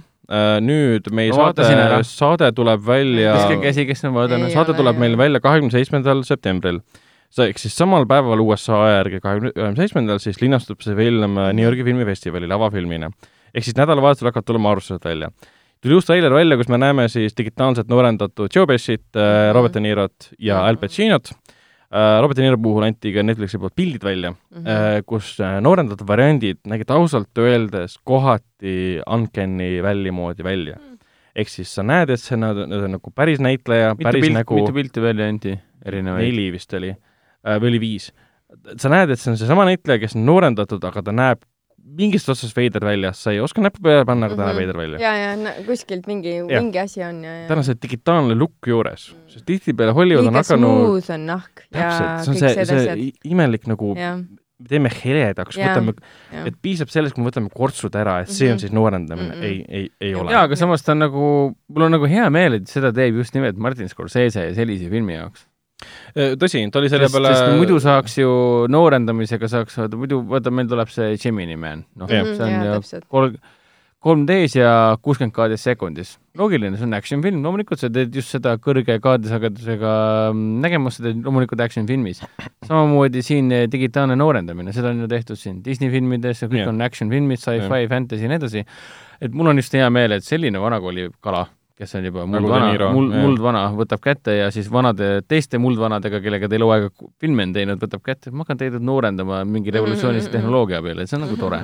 nojah, tegelikult mis su variante on, sa ei saa teist näitlejat sinna panna äh,. sa ei saa võtta vanu kaadreid tehnoloogia- äh, vanematest filmidest Jah. ja panna vanasti oli lihtne teha, et teistmoodi. Robert De Niro mängib eh, kaasaegset Robert De Nirot nii-öelda ja siis ma ei tea, Lucas Hedges mängib teda Mm. noorena. aga tänapäeval on see, et ma lihtsalt smuudin ta ära ja kortsud maha ja valmis just. nagu De Niro on kogu aeg De Niro näoga välja näinud. kuigi samas mulle see mõte väga meeldib, mõttes, et me saame näha eh, mitme, mitu erinevat tegelast, eriti just muidugi Robert De Nirot eh, olemas, ma ei tea, viiskümmend aastat noorem ja siis viiskümmend aastat vanem ja seda Mhm. protsessi, kuidas ta saab vanaks. ja ja siis ta on digitaalselt vastavalt sellele nooremaks muudetud, siis on va- vanemaks muudetud et see on nagu praegu- nii-öelda päris, noh. jaa, sa Jah. näed nagu reaalajas seda selles, kuidas ta muudetud on, et seda ei ole ju varem, sellisel kujul ei ole varem Mm. näha saanudki. ja et sa näed Kuidas ühes üks- filmis äh, jaa. vananemist. ja kuidas üks tegelane äh, muudetakse äh, vastavalt ajale vanemaks ja vanemaks, muidugi me oleme seda näinud. oleme seda tagurpidi näinud Ma- ei, see Benjamin Buttoni filmis. ei äh,, mis see saja-aastane, issand jumal. see hüppas aknast välja või? ei, ei mitte see film. Minu lemmikmees, laulja, aa, Äh, laulja mm.. kes mängis Jokkerit appi. Joaquin Phoenix. ei, aa, Jack Nicholson, ei Nicholson., Jared Leto Heath. Ledger. jah, Jared Leto filmis Mr., Nobody, jah? jah, Mr Nobody. seal oli ka, seal oli, see oli mingi ulmeteema ja seal ta oligi mingi miljon aasta vältel midagi toimus. mm.. aga, aga seal, seal ei olnud kindlasti digitaalne, seal oli pigem see proteesid Aa, ja meik okei. ja kõik. kindlasti on seda ajas jooksvat sellist äh, vananemist ja noorenemist tehtud, aga Mm, mm, mm. mitte sellisel digitaalsel kujul, nii suures plaanis. just see va-, ajavahemik, vaata see mitukümmend aastat, et. no Benjamin. Buttonis oli ikka. no mis ta see Button Pepu endale see oli tagurpidi, see oli väga hästi tehtud. aga point on selles, et ähm, Netflix on äh, räigelt palju maksnud, mitu miljonit, mitukümmend miljonit kulutanud selle tehnoloogia peale, et need näitajad nooremaks teha. ja meile tuleb see siis äh, Eesti kinodesse ilmselt ei jõua, küll me näeme seda kahekümne seitsme, kahekümne seitsmendal novembril siis Netflixis. Et siis saame näha, mis see film endast kujutab. kõige pikem on Scorsese film siis. räägime veel äh, ühest, ühest järjest äh, Kena vaikne kohake kaks, meie kõigi lemmiku mm -hmm. Jimmy äh, ehk siis Office'i Jimmy mm -hmm. äh, näitleja John, John Krasinski äh, teine osa tema hittfilmile on äh, võtted lõpetanud ja siis mis ta jõuab, järgmine aasta jõuab meile kinodesse. päris hea, A Quiet Place siis. jep, Quiet Place kaks. Raske öelda, millest see lugu räägib, aga arvestades esimese osa lõppu, teada siis nagu mm., tahaks üllatunud jah. olla, jah. kuigi me teame, et Cillian Murphy on seal, teame või? jah, see on ma ei kinnitatud. teadnud midagi. ah Cillian Murphy on nii äge, eriti kui vaadata Netflixi pealt uh, Mhm. Peaky Blinders, mille viies hooaeg tuleb nüüd oktoobris kas ta on see. peaosaline või? Jah. aa, oi kurja, see on hullult äge. ta on tõesti nii võimas seal. ma vaatasin isegi. seda natukene, aga ta oli natukene lä- läks vägivaldseks. Ma ei jaksa praegu. aga ta on nii nagu autoriteet, boss seal, see, kuidas ta räägib, hoiab sigareti huulte vahel, paistab välja, õhku tuus. ja, ja vaat-, vaatame, mis rolli äkki ta, äkki siis Emily Blunt saab endale, Emily Blunti karakter Saab endale uue, uue abikaasa. spoiler. Aa, äh, räägime veel ühest järjest, selleks on äh, Matrix neli. ebareaalne. ei, ma ei usu tänase päevani nagu, et äh, kui kuskilt ma nägin ka, oli kirjas juba, et Keanu Reaves ütleb, et see on pretentious on ju. ei, ta ütles ambitious. ma Pretentious. mõtlesin ka, et kuidas ta nii halvasti sai öelda. ei, ta ütles ambitious. et Matrix neli on päris film, nüüd järgmisel aastal peaks see võtted algama, Lana Wachowski seda lavastab, ise kirjutab ka. Seal on veel ähm, kaks stsenaristi veel, kes on siis, üks on ajakirjanik, üks on romaani autor, filmi tootjad, stuudio ja produtsent, täpselt sama, kui eelmised äh, Matrixi filmid oh, okay. suurim erinevus on võib-olla praegu see, et Lawrence Fishburne'i pole siis Morpheus rolli kinnitatud, küll Aa, aga on siis Reeves ja siis Carrie-Anne Moss mm. -hmm. ja see Wachowski siis õdedest on ainult üks praegu lavastaja, teine, teine pole asjasse seotud. hetkeseisuga pole sisuliselt mitte midagi kinnitatud. jah. Äh, siis Annab öeldakse uus peatükk Matrixi maailmas ja nüüd siis hiljuti käis, käis Keanu Reaves oma poole äh, produtseeritud äh, Briti filmi, Briti draama Esikal, kus siis Entertainment, Enter-, Entertainment Tonight küsis tema käest, et mis seis on filmiga mm. -hmm. ta midagi muud ei öelnud peale selle, et ta on seda nüüd lugenud ja see on väga ambitsioonikas mm. ja ta on väga rahul, mis äh, rolli omab filmis Neo. okay., et saame, saame näha, mis sellest saab äh,. Räägime veel vanadest äh, filmidest, mis äh, ei, ei taha surra äh,. Jurassic Park ja mm. eriti just Jurassic World kolm, mis on siis nüüd kolmas osa uues äh, Jurassic mm -hmm. Pargi triloogias nii-öelda mm. mm. -hmm. kõigepealt oli Jurassic Park üks, kaks, kolm, siis oota, miks see kolmas nüüd mind üldse kottima enam peaks? sellepärast, et sinna tulevad tagasi Laura Dern, Sam Neill ja Jeff Goldblum, kes olid Siis- kõik kolmekesi esimese Jaa, Jurassic tean. peaosades. Totaalne comeback. mind ajab nii närvi nagu see Laura Dern, ta sai äh, tut-, tuntuks ju, kui ta oli ikkagi kakskümmend, kolmkümmend aastat tagasi, kas ta oli esimeses Twin Peaksis onju? Või noh, selles originaal Twin Peaksis ja siis seda ta me, ei tea. ta peaks Aa. olema, tema sai minu arust sealt oma feimi, pluss Nicolas Cage'iga minu arust ta oli kuskil ja nii edasi. aga ja see, Leaving Las Vegas. see Twin, Blue ei, Velvet või? ei, Lynch'i filmis oli Laura Dern koos Nicolas Cage'iga. ta mängis Inland Empire'is. Inland jaa, aga see, Ei, ta ei, see see kõige kuulsam, kuulsamatest Lynch'i filmidest. Twin Peaksis oli ta ka, aga see Lynch'i film, see oli Blue Velvet või? mm -mm. või see Highway või? kurat, ma ei mäleta enam. Ikka Blue Velvet jah, täpselt, Blue Velvetis oli ta. mind ajas nagu natukene närvi see, et äh, nüüd ta tuleb tagasi, järsku on siis mingi hull, mingi superstaar ja mingi, ma ei tea, mul nagu ei, katus sõidab selle osa pealt, ma üldse kuidagi ei suuda no selles nagu mõttes ta ei ole kuskile tegelikult oota, ma ei saanud täpselt aru. ma, ei saa nagu ka aru, et miks nüüd kõik nagu järsku tema ümber käib, ta pole olnud superstaar viimased kolmkümmend aastat nagu. oota, kelle ümber, Laura Derni jaa ümber või?, ei, tegelikult tegelikult samamoodi võib ju küsida, et miks kõik Sam Neili ümber käib. kes see on? doktor Alan Grant nagu, come on. ikka ei tea. ja Jeff Goldblum. oota, aga no Jeff Goldblum, ma ei oska seda isegi hääldada, ta on kogu aeg olnud see siukene. Sam Neill on vähem olnud pildis, tal on praegu hästi palju seriaale olnud. ei, tal on Noh, seriaalid olnud ja Laura. Derniga tegelikult samamoodi, filmides on ta vähem olnud, aga tal on- HBO-s olnud väga palju seriaale, mis on järjest tulnud välja, mida kõik ta ju kiidetud. Big Little Lies'is on jaa, aga need on viimased mingisuguse paari aasta jooksul, et põhimõtteliselt küll, jah, jah. et äh, no lihtsalt tuleb nagu siukeste asjade puhul tuleb ka igast siuksed, noh nagu see Mark Hamill ka, kes ei ole kolmkümmend viimast aastat mitte muhvigi teinud ja nüüd on jälle suur Star Warsi kuradi superstaar.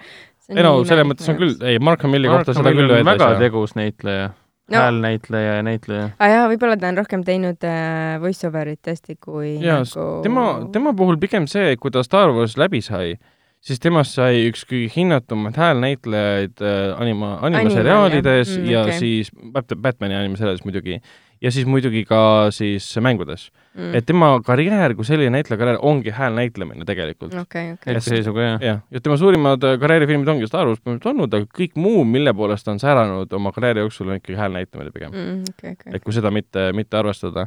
aga selles mõttes minu silmis on lahe, et nad tagasi tulevad, sest äh, Jeff Goldblum oli selles teises Jurassic Worldi filmis, aga suht alguses mõned, mõnes üksikus stseenis. Sam Neill'i pole olnud alates kolmandast osast kordagi. ta oli jah esimeses ja kolmandas ainult jah, täpselt. ja tulevad kolmekesi ja tagasi. Laura on üldse esimest korda tagasi. jah, Laura pole kordagi olnud jah, aga noh, Jurassic World kolm, eks selle kohta võib nii palju öelda, et vaadake ära Colin Trevorrow lavastatud ähm, Youtube'is olev film äh, Battle at äh, Big Rock, mis põhimõtteliselt on selline vahepealne lüli, mis tutvustab seda, mida kujutab endast Jurassic World kolm. Kuna Jurassic World kaks lõppes sellega, et sul on kõik dinosaurused nüüd äh, ilma peal laiali, siis see no nii palju nagu neid seal compound'is oli Nad hakkavad kohe paaritama nagu mingid nirgid, et ja Ja siis see, see lühifilm, mis äh, seesama Colin Trevorrow lavastas, põhimõtteliselt tutvustab seda, et kui sul on tavalised inimesed elavad oma elu, mis juhtub Koos, siis, kui äh, dinosaurid ilmuvad välja. okei, see on jah väga lastekas, noh, mitte, et mul lasteka vastu midagi oleks, aga no pff, ma ei tea, midagi originaalset vahelduseks ei, selles mõttes, ega Jurassic World äh, läkski selle teise osaga, see Fallen siis, ikka väga siis lastekas kolmas, kolmas Jurassic World sõna otseses mõttes ongi, sõna otseses mõttes ongi Jurassic World, aa, ma ei mida ta on algusest peale justkui lubanud. et esimene osa oli see, et teeme vana asja teeme uuesti lahti, teeme ta esmakordselt lahti nii-öelda, paneme nimeks Jurassic World. teine osa, saar lendab õhku, kõik on metsas. kolmas osa ongi, nüüd ongi terve maailm peal laiali. mm.. et teeme uue juuraajastu nii-öelda. ja toovad siis Laura Dern'i ja Sam Neill'i tagasi sellepärast, et nad üt- ütlevad mingi, et oh, me ütlesime teile, et ärge näppige neid., lõpetage ära, onju, ei. ei, see on, see on puhas äh, fännide teenindamine nii-öelda. Seda küll. rääkides äh, fännlusest, siis Nicolas Cage'il on äh, päris hea track record praegu, mis puudutab äh, näitamist No. no.. noh, Mändi oli tal suurepärane, Mom and Dad oli tal vahepeal ja nüüd suurepärane. festivalidel HP Lovecrafti põhjal tehti Jep. ah õige värv, mis oli eesti keeles, oli Värv aja sügavikus vist või? Out of Space, mida Mhm. kõik kiidavad, ütlesid, et see pidi olema nii tripi, et kui sa vaatad selle filmi ära, siis on tunne, et sa oled võtnud. Mhm. ja pidi suurepärane olema, Richard Stanley selle lavastas, kõik kiidavad seda taevani. Mm. ja siis Nicolas Cage mingi mõtles tõenäoliselt, et kuule, mis ma võiksin järgmisena teha, mul on film, mida kõik kiidavad. võtan vastu rolli, kus ma kehastun äh, trühvlite jahtijaks, kellel on armastatud põrsas, armastatud sigas või kumb see on, siga või põrsas? armastatud põrsas, kes röövitakse ära, umbes nii nagu John Wickis tapetakse mm Mhm. -hmm. ära tema siis äh, kutsu, seal röövitakse ära tema siis Trühvlisiga. äh, trühvlisiga ja ta läheb neid taga ajama, see on kättemaksu lugu. ja filmi nimi on siis Peak. Ma tahaks nutta ja naerda samal ajal, ma ei tea, mida kas see on oodata. nii lahe, mida see film, mida see tüüp teeb? see on umbes sama, et lihtsalt Gary Oldman on ka põhimõtteliselt tegemas äh, samu karjäärivalikuid, mida siis äh, mida siis Nicolas Cage on juba väga mitukümmend äh, mit, aastat juba teinud. mm.. et kõigepealt võidab oma selle Darkest Hour'i ees, kus ta mängis Winston Churchillit Oscari ära ja siis mingi ma mängin nüüd äh, Valgevene presidenti ja nüüd ma osalen äh, järgmise nädala alustav film äh, Mary Needus, mis näeb välja totaalne crap. oli järgmine nädal või? ei olnud või? see nädal? see nädal tähendab jah? jah, täpselt jah okay.. et väga huvitavad need karjäärivalikud, miks ei no mina teevad. olen nagu Nicolas Cage'i fänn olnud, nii et ähm, eks ole näha. jah, aga kas sa oled ka, oled ka, oled ka Adam Ei. Sandleri fänn? ei. Aga tundub, et väga paljud nüüd jälle on, sest ma vahepeal tundus, et ta lihtsalt andis alla ja teda üldse ei huvitanud ja käis reisidel. Netflixi film, mis ta tegi Äh. Jennifer An-, Jennifer, Jennifer, Jennifer Aniston. Aniston. ja mis see oli see, issand, kedagi, keegi ei mäleta äh,. ei, kät- Mm. äh,, igatahes keegi tapeti, nad leidsid äh, mingi murder mystery murder oli. mystery oligi. ja tal oli hästi palju Netflixis see Ridiculous Six ja kõik on mingi totaalne crap alates sellest äh, klikk oli veel hea, aga see Grown Ups ja Grown Ups kaks põhimõtteliselt on ja ta on maha käinud näitleja, keegi ei hooli temast enam, Aga- aga nüüd ta tegi filmi äh, Safti vendadega, ehk siis need tüübid, kes tegid sellise filmi nagu Good Time, kus mängis peaosas äh, ja tegi suurepärase rolli Robert Pattinson, mm.. väga äge, võimas krimifilm. Nad tegid uue filmi nimega Uncut Gems, mille eest Toronto filmifestivalil ja kõik ütlevad, et see on äh, mitte nagu äh, Adam Sandleri äh, parim roll, vaid Mm. üldse üks aasta parimaid rolle oh, yes. Adam Sandleri poolt, et siis sul peavad tulema niisugused indie-filmide poolest tuntud režissöörid, kes on tuntud kvaliteetse filmide poolest ja meelitama selliste mega ropult palju raha kokku koorinud näitleja, kes kunagi oli meeletult populaarne, kes on nüüd alla käinud et meelitada teda sellest, kuule, et teeme äkki ägeda filmi ka vahepeal või Jah. mitte lihtsalt ei, see, tee siis mingit imelikku asja, mis on imelik. ma vaatasin treilerit ka, väga äge siukese külmades toonides, sinakates toonides, ta mängib mingit rämedat juveelierikat, kes on mingi oma mingisuguse aktsendi ja kõnnakuga ja mingi kuradi värvid ja bling-bling on küljes Mm. ja hästi siukene, ikka, jah. räme, jaa, või? siukene stiilne krimidraama tundub olevat. kui, kuna see karmvärk. Good Time oli ka sellest, et seal oli äh, ühe kriminaali, kes, kaks kriminaali olid vend, vennad siis röövisid panka, üks võeti kinni, et tal oli veits aega, et oma vend välja päästa sealt, jälle nagu aja peale pandud lugu. siis Uncut Gems on samamoodi, et sul Adam Sandleri tegelaskuju on võlgu mingitele mafioosnikele Mm. mm. ja ta peab neile raha kokku koguma, kui õnnestub, tuleb asi halvasti mm. Oota, kes Kõik., kes see veel võlgu oli? Mär-, Maarja, Maarjamaa või? Lätimaa oli võlgu? kes veel võlgu oli? -hmm. et siin oli selles laulus oli päris palju võlgu, et äh, mul pole õrna aimu. Läänemaa on võlgu. ja, ja Aa. Võrumaa oli ka võlgu minu Jah, meelest. Võrumaa oli ka võlgu, jah. Laul oli siuke ma lähen ära nüüd siis Okei. Ciao. uh,. räägime, räägime, räägime Walker Texas Rangerist uh,. kes mäletab Walker Texas Rangerit? kes ei mäleta. Texase korravalvur oli selle pealkiri. jooksis, mäletad, mis me põmm, Texas põmm jooksis? näoga või kanaga Kana- näkku alati. kanal kahe peal, see oli see kolmsada kuuskümmend kraadi ja kanaga näkku. Ehk siis äh, Chuck Norris Chuck Norris ja minu, minu ja sinu lapsepõlv. legendaarne film, kus äh, Sari. sari, seriaal tähendab jah, paar filmi teete ka selle põhjal kindlasti, uh,. issand, tahaks näha. säras iga võimaliku külje poolest, puhtalt sellepärast, et igas episoodis ootas seda hetke, mida teeks selle. Roundhouse Kicki. ja nüüd tuleb välja, et see seriaal pole sugugi surnud, sellepärast et sinna peosse, uue seriaali peosse, mis kannab Mm. sama nime, valiti siis Jared Padalecki, kes on tüüp, kes on mänginud üle kümne aasta nüüd Supernaturalis, mis nüüd sel aastal läbi saab, ühte Winchesteri venda. Ja ta ei näe absoluutselt välja nagu Chuck Norris. ei, ta ei oska isegi kakeldada ennast niimoodi, see kogu, Chuck Norrisest kogu ei oska selle keegi paremini kakelda. esiteks, aga lihtsalt see võlu oligi see, et see Jack Norris oli siuke nojah, aga see tüüp on mingi kuradi kummituste taga ja keda kotib aga vähemalt, vähemalt Jared reaalselt Val- Padalecki Valker on ühes episoodis otsiski mingi indiaani kummitusi seal taga, võitles nendega. ja, ja, ja oli küll, jaa. Seal oli igasugust crap'i. et noh, lõpuks see, lihtsalt see sari ei olnud midagi head, aga ta oli, Oli ta, aga ta oli mingi täielik keelpõse, keelpõses B, B-sari põhimõtteliselt. see oli see jumala hea, see algustiitel muusika oli ka. jaa, jaa, oli jaa. Chuck Norris ise laulis seda ju. algustiitel, jaa ta ise laulis seda algustiitlite laulu ka, et kus sa tuled Oh, mingi. Rangerite juurde, siis me Eyes of see the Ranger. performed by Chuck Norris. jah, täpselt. geniaalne. aga nüüd siis otsustas jah, tele, telekanal, et on aeg äh, reboot'iks ja paneme siis uue näitleja peasse,. kes vähemalt erinevalt Chuck Norrisest on pärit äh, Texasest. et see on pluss kust. Chuck Norris pärit on? ma ei tea, ta aga on nii badass, et ta on igalt poolt Keegi korraga ta pärit ta on. maailma kodanik. jah, ta ema minestas, kui ta sündis. ta Miks- oli, ta miks- oli lihtsalt niivõrd imeline. miks pole tulnud ka äh, maale tulnud? Jack Norris. Chuck Sest Norris on siin. Äh, räägime natuke kurvematest uudistest ka, vahepeal lahkus meie hulgast äh, tuntud äh, horror või siis noh, žanrifilmide näitleja Sid Haig, keda meie viimati nägime siin, vaatasime S. Greg Saaleri filme, üks film, siis tema esimene film ähm, Western Bone Tomahawk, tal oli pisike roll.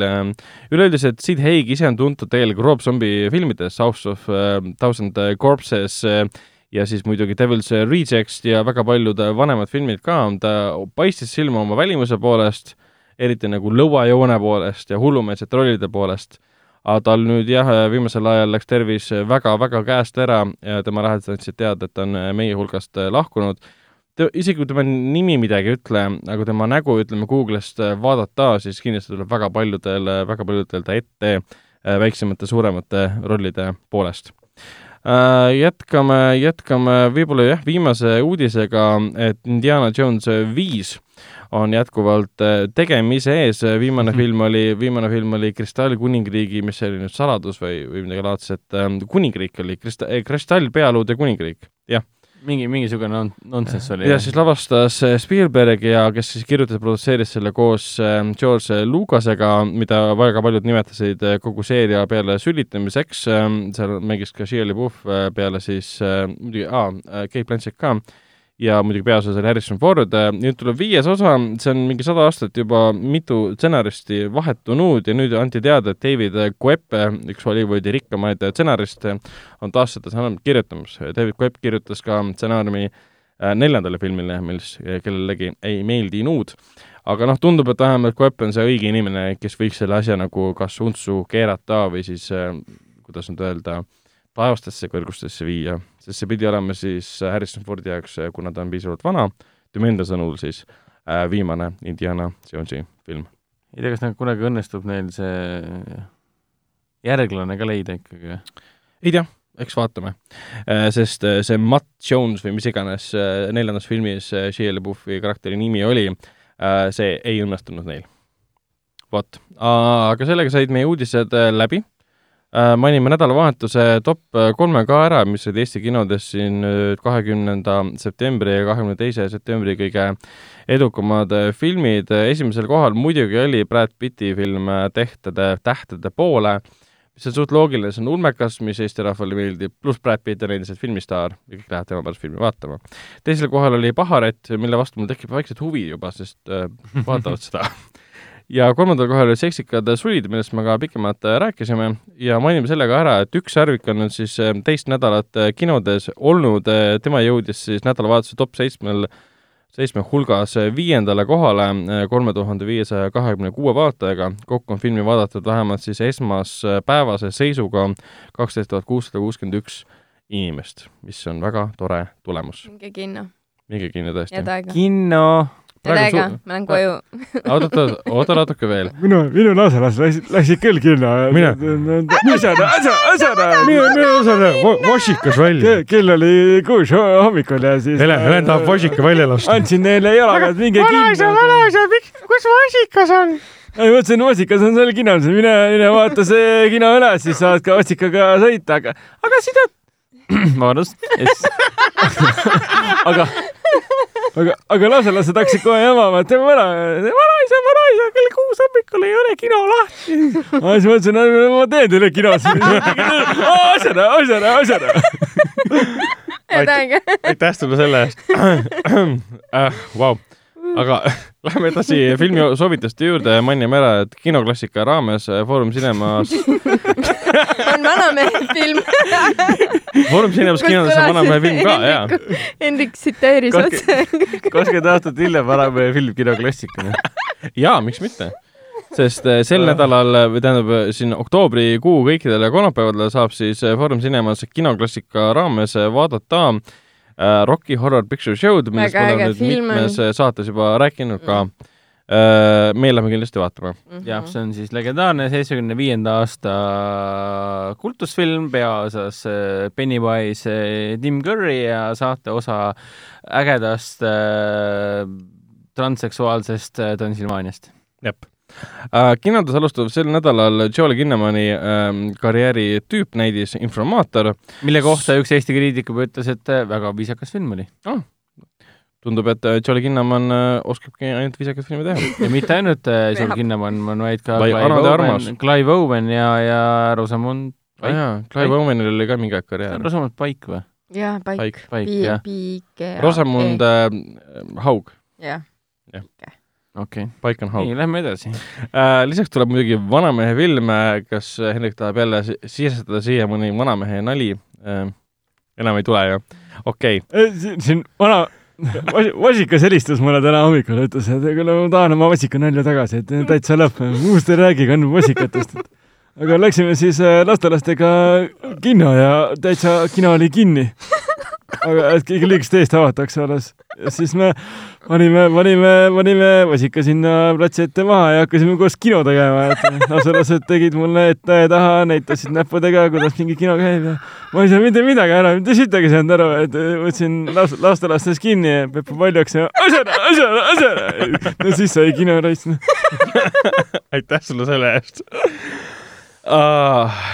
oi jumal küll lisaks alustab kinodes äh, Lammas Shaun äh, punkt film punkt Farmigedon, mis tundub geniaalne, mida ma kindlasti vaatama lähen. Vasikas rääkis, et ta on selle Shauniga täitsa, täitsa sõud, käivad seal lauda viina joomas kogu aeg lisaks alustab kinodes ka Draakoni pitseri saladus, mis on omaaegse, see oli siis Euroopa ja siis brittide ja USA koostööfilm Vii ehk siis Nõid, mis on väga klassikalise vene filmi Vii äh, ri, ri, ri, ri remake põhimõtteliselt mm.. aga see film on siis algu-, selle uue Vii järg, mis ei kanna Vii kahe nime, vaid hoopis Draakoni piitsi saladust, siis keegi ei seosta enam seda algupärase Viiga. igatahes väga keeruline. aga seal mängib äh, Jackie Chan ja, ja Arnold Schwarzenegger, kes omavahel võitlevad, nii et see on põhjus, väga imelik kombo, väga imelik kombo. täiesti nõus sinuga. see uus film on jah, suur äh, Hiina, Hiina-Vene koostööprojekt nii-öelda oh,. ta on rohkem, rohkem Hiina kui Vene oh Eestis saab seda näha nii eh, inglise keeles kui ka, ka vene keeles. Mm. Äh, lisaks alustab ka komöödia, kellel poleks saladusi, mille kohta ma oskan ainult nii palju öelda, et seal mängib ühes peaosas äh, see saatanlikult siniste silmadega neiu, kes mängis Rannavalve filmis. Aleksandra Tadario Ole-, Alex Tadario, Aleksandr Tadario. Aleksandr Tadario, kuidas sa siis ei tea? ja, ja siis äh, Gary Oldmani äh, äh, õudusfilm äh, Meri needus kus Gary Oldmani tegelaskuju ostab endale paadi ja seal on kummitus. Jah, see, see, see on nagu fakt, et see on ju legend tõenäoliselt, see Meri Needus, seda peab vaatama minema. aga kellel poleks saladusi, ehk siis Can you keep a secret, see põhineb tegelikult selle Sophie Kinsella romaanil. et Sophie Kinsella on see, kes kirjutas selle ostuhullu äh, pihtumused ka, mis oli omal ajal tohutu, tohutu menukas romaan. ehk siis pea, ta peaks olema üks äh, praeguse üks menukamatest äh, Mm. naiskirjanikest üldse. Mm. Aga väike viktoriini küsimus. ei oska, üks äh, ma noh. Aleksandra Daddario on siis äh, peategelane Äh, ja Tyler Hoechlin äh, mängib siis seda mees äh, love affair'i nii-öelda äh, mis Nii. seob, mis seob äh, Tyler Lochlini sellise filmiga nagu Road to Perdition?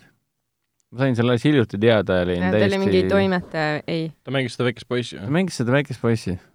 see, kes põgenes Tom Hanksiga kurja kurja, see kas sellest on nii palju Craig'i aega möödas? oli kaks tuhat kolm äkki. oligi nii, et äh, filmi levitaja juhatas äh, filmi, sellesama filmi pressilinastusele sisse ajakirjanikele ja siis ta mainis selle toreda trivia ja mulle nagu suu lahti mingi, oota, see, seesama Tyler on sealt Road to Perditionist või Teekond hukatusse äkki või? Mhm. siis ma hakkasin guugeldama, mõtlesin, et on jah, täpselt sama poiss ju. Et nii veider, et mõnikord sa saad selliseid, selliseid veidrad, veidrad uusi, uusi fakte teada oma mõistusest. tead, mis on veel veider või? Road to Perdition äh, põhines koomiksil. ja ma seda tean. kõik inimesed ta vaatab, need vaatab seda filmi kui mingit Godfather'i stiilis. koomiks või graafiline novell. graafiline novell siis jah. kõik inimesed vaatavad seda kui mingit Godfather'i stiilis klassikalist filmi ja siis vastavad, ahah, see põhineb koomiksil hoopis uh,. räägime sellisest asjadest nagu The Game Changers, mis linastub ühe korra uh, Coca-Cola Plazas kolmekümnendal septembril, mis see täpselt endast äh, kujutab endale?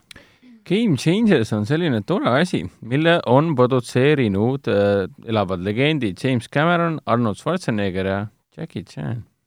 Me nagu just rääkisime Schwarzeneggerist ja Jackie. Chanist jah, nad uh, lisaks sellele, et nad mängivad koos V2-s, nad uh, produtseerivad ka dokumentaalfilme. Äh, tegemist on siis dokumentaalfilmiga, mis äh, dokumenteerib taimset päritolu toitumise plahvatuslikku levikut elukutselises spordis Mm -hmm. see on hä- hästi populaarne dokumentaalfilm, mida kõik taolise elustiili äh, nii-öelda pooldajad ja harrastajad äh, täiega naudivad ja see on tegelikult sellist äh, rohelise elustiili ja toitumise, toitumist äh, toetav ja innustav äh, äge dokumentaal.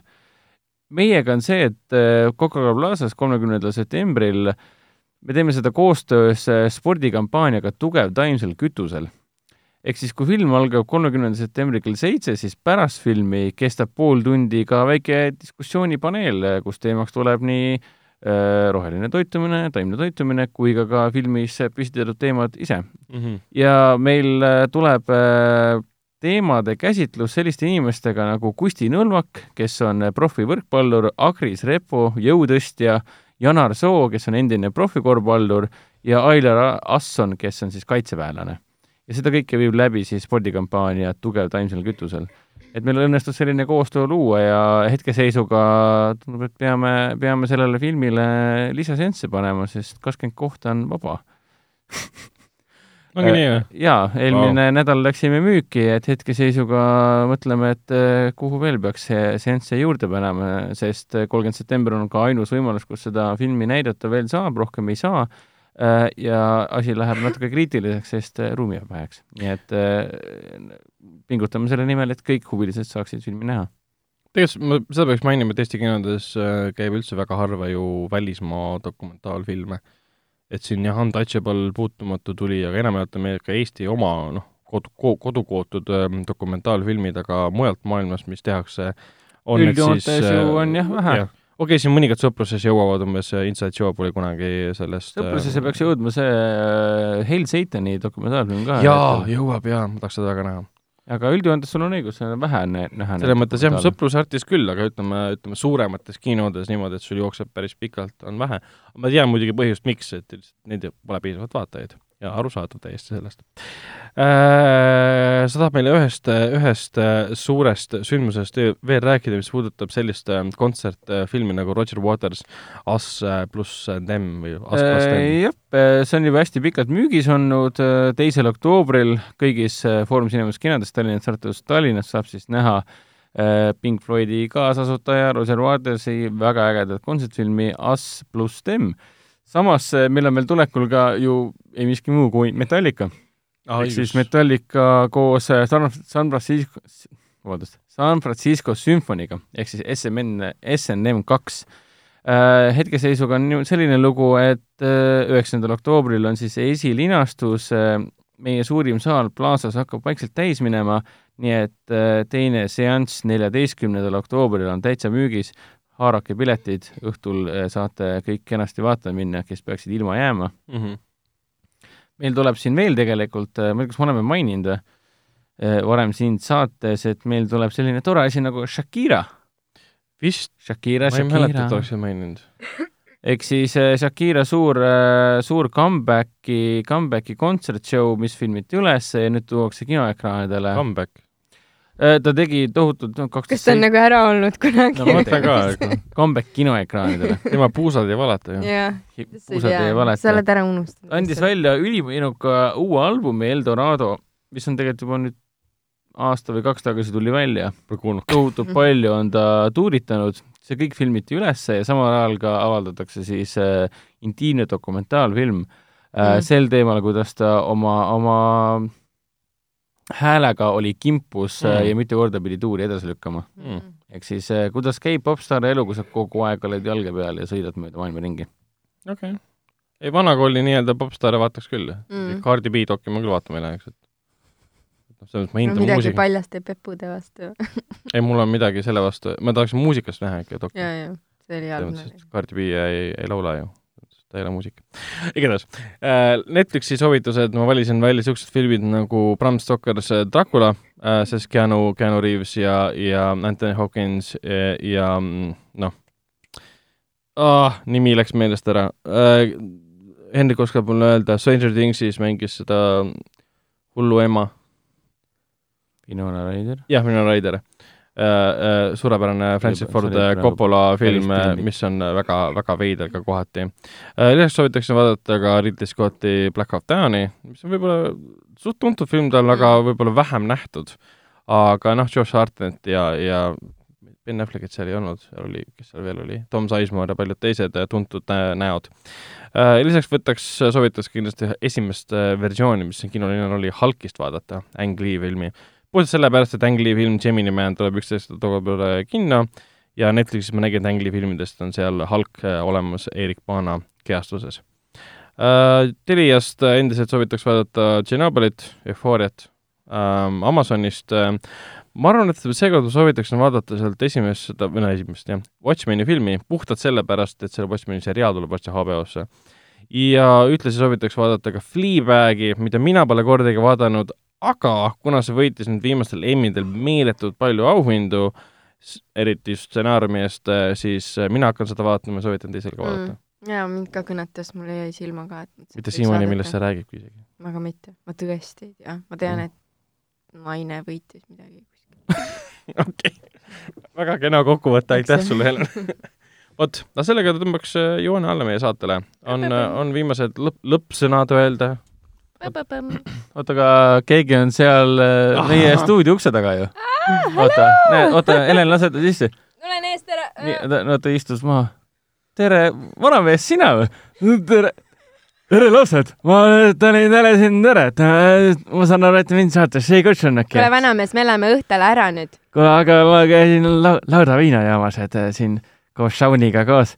teate küll, lammas Shaun hakkab kinades ringi jooksma su vanamehe hääl läks kuidagi väga kõrgemaks. oli sul kuidagi madalam, nüüd on see kuidagi ma ei ole täiuslik, mis sa tahad minust no.? rohkem nüüd madalamalt rääkida. Ragnar, Henrik teeb praegu lihtsalt voice casting ut, ta tahab olla järgmine nagu... järgmine vanamees jaa.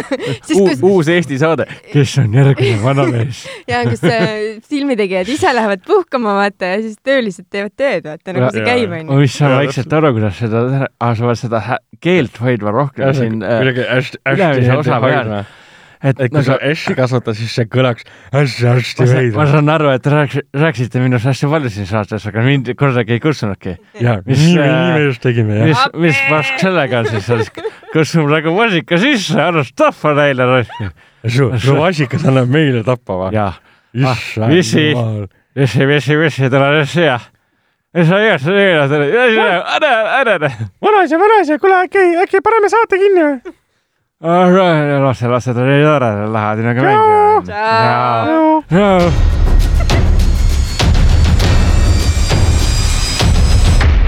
kinoveebi Jututuba podcasti toob teieni Foorum Cinema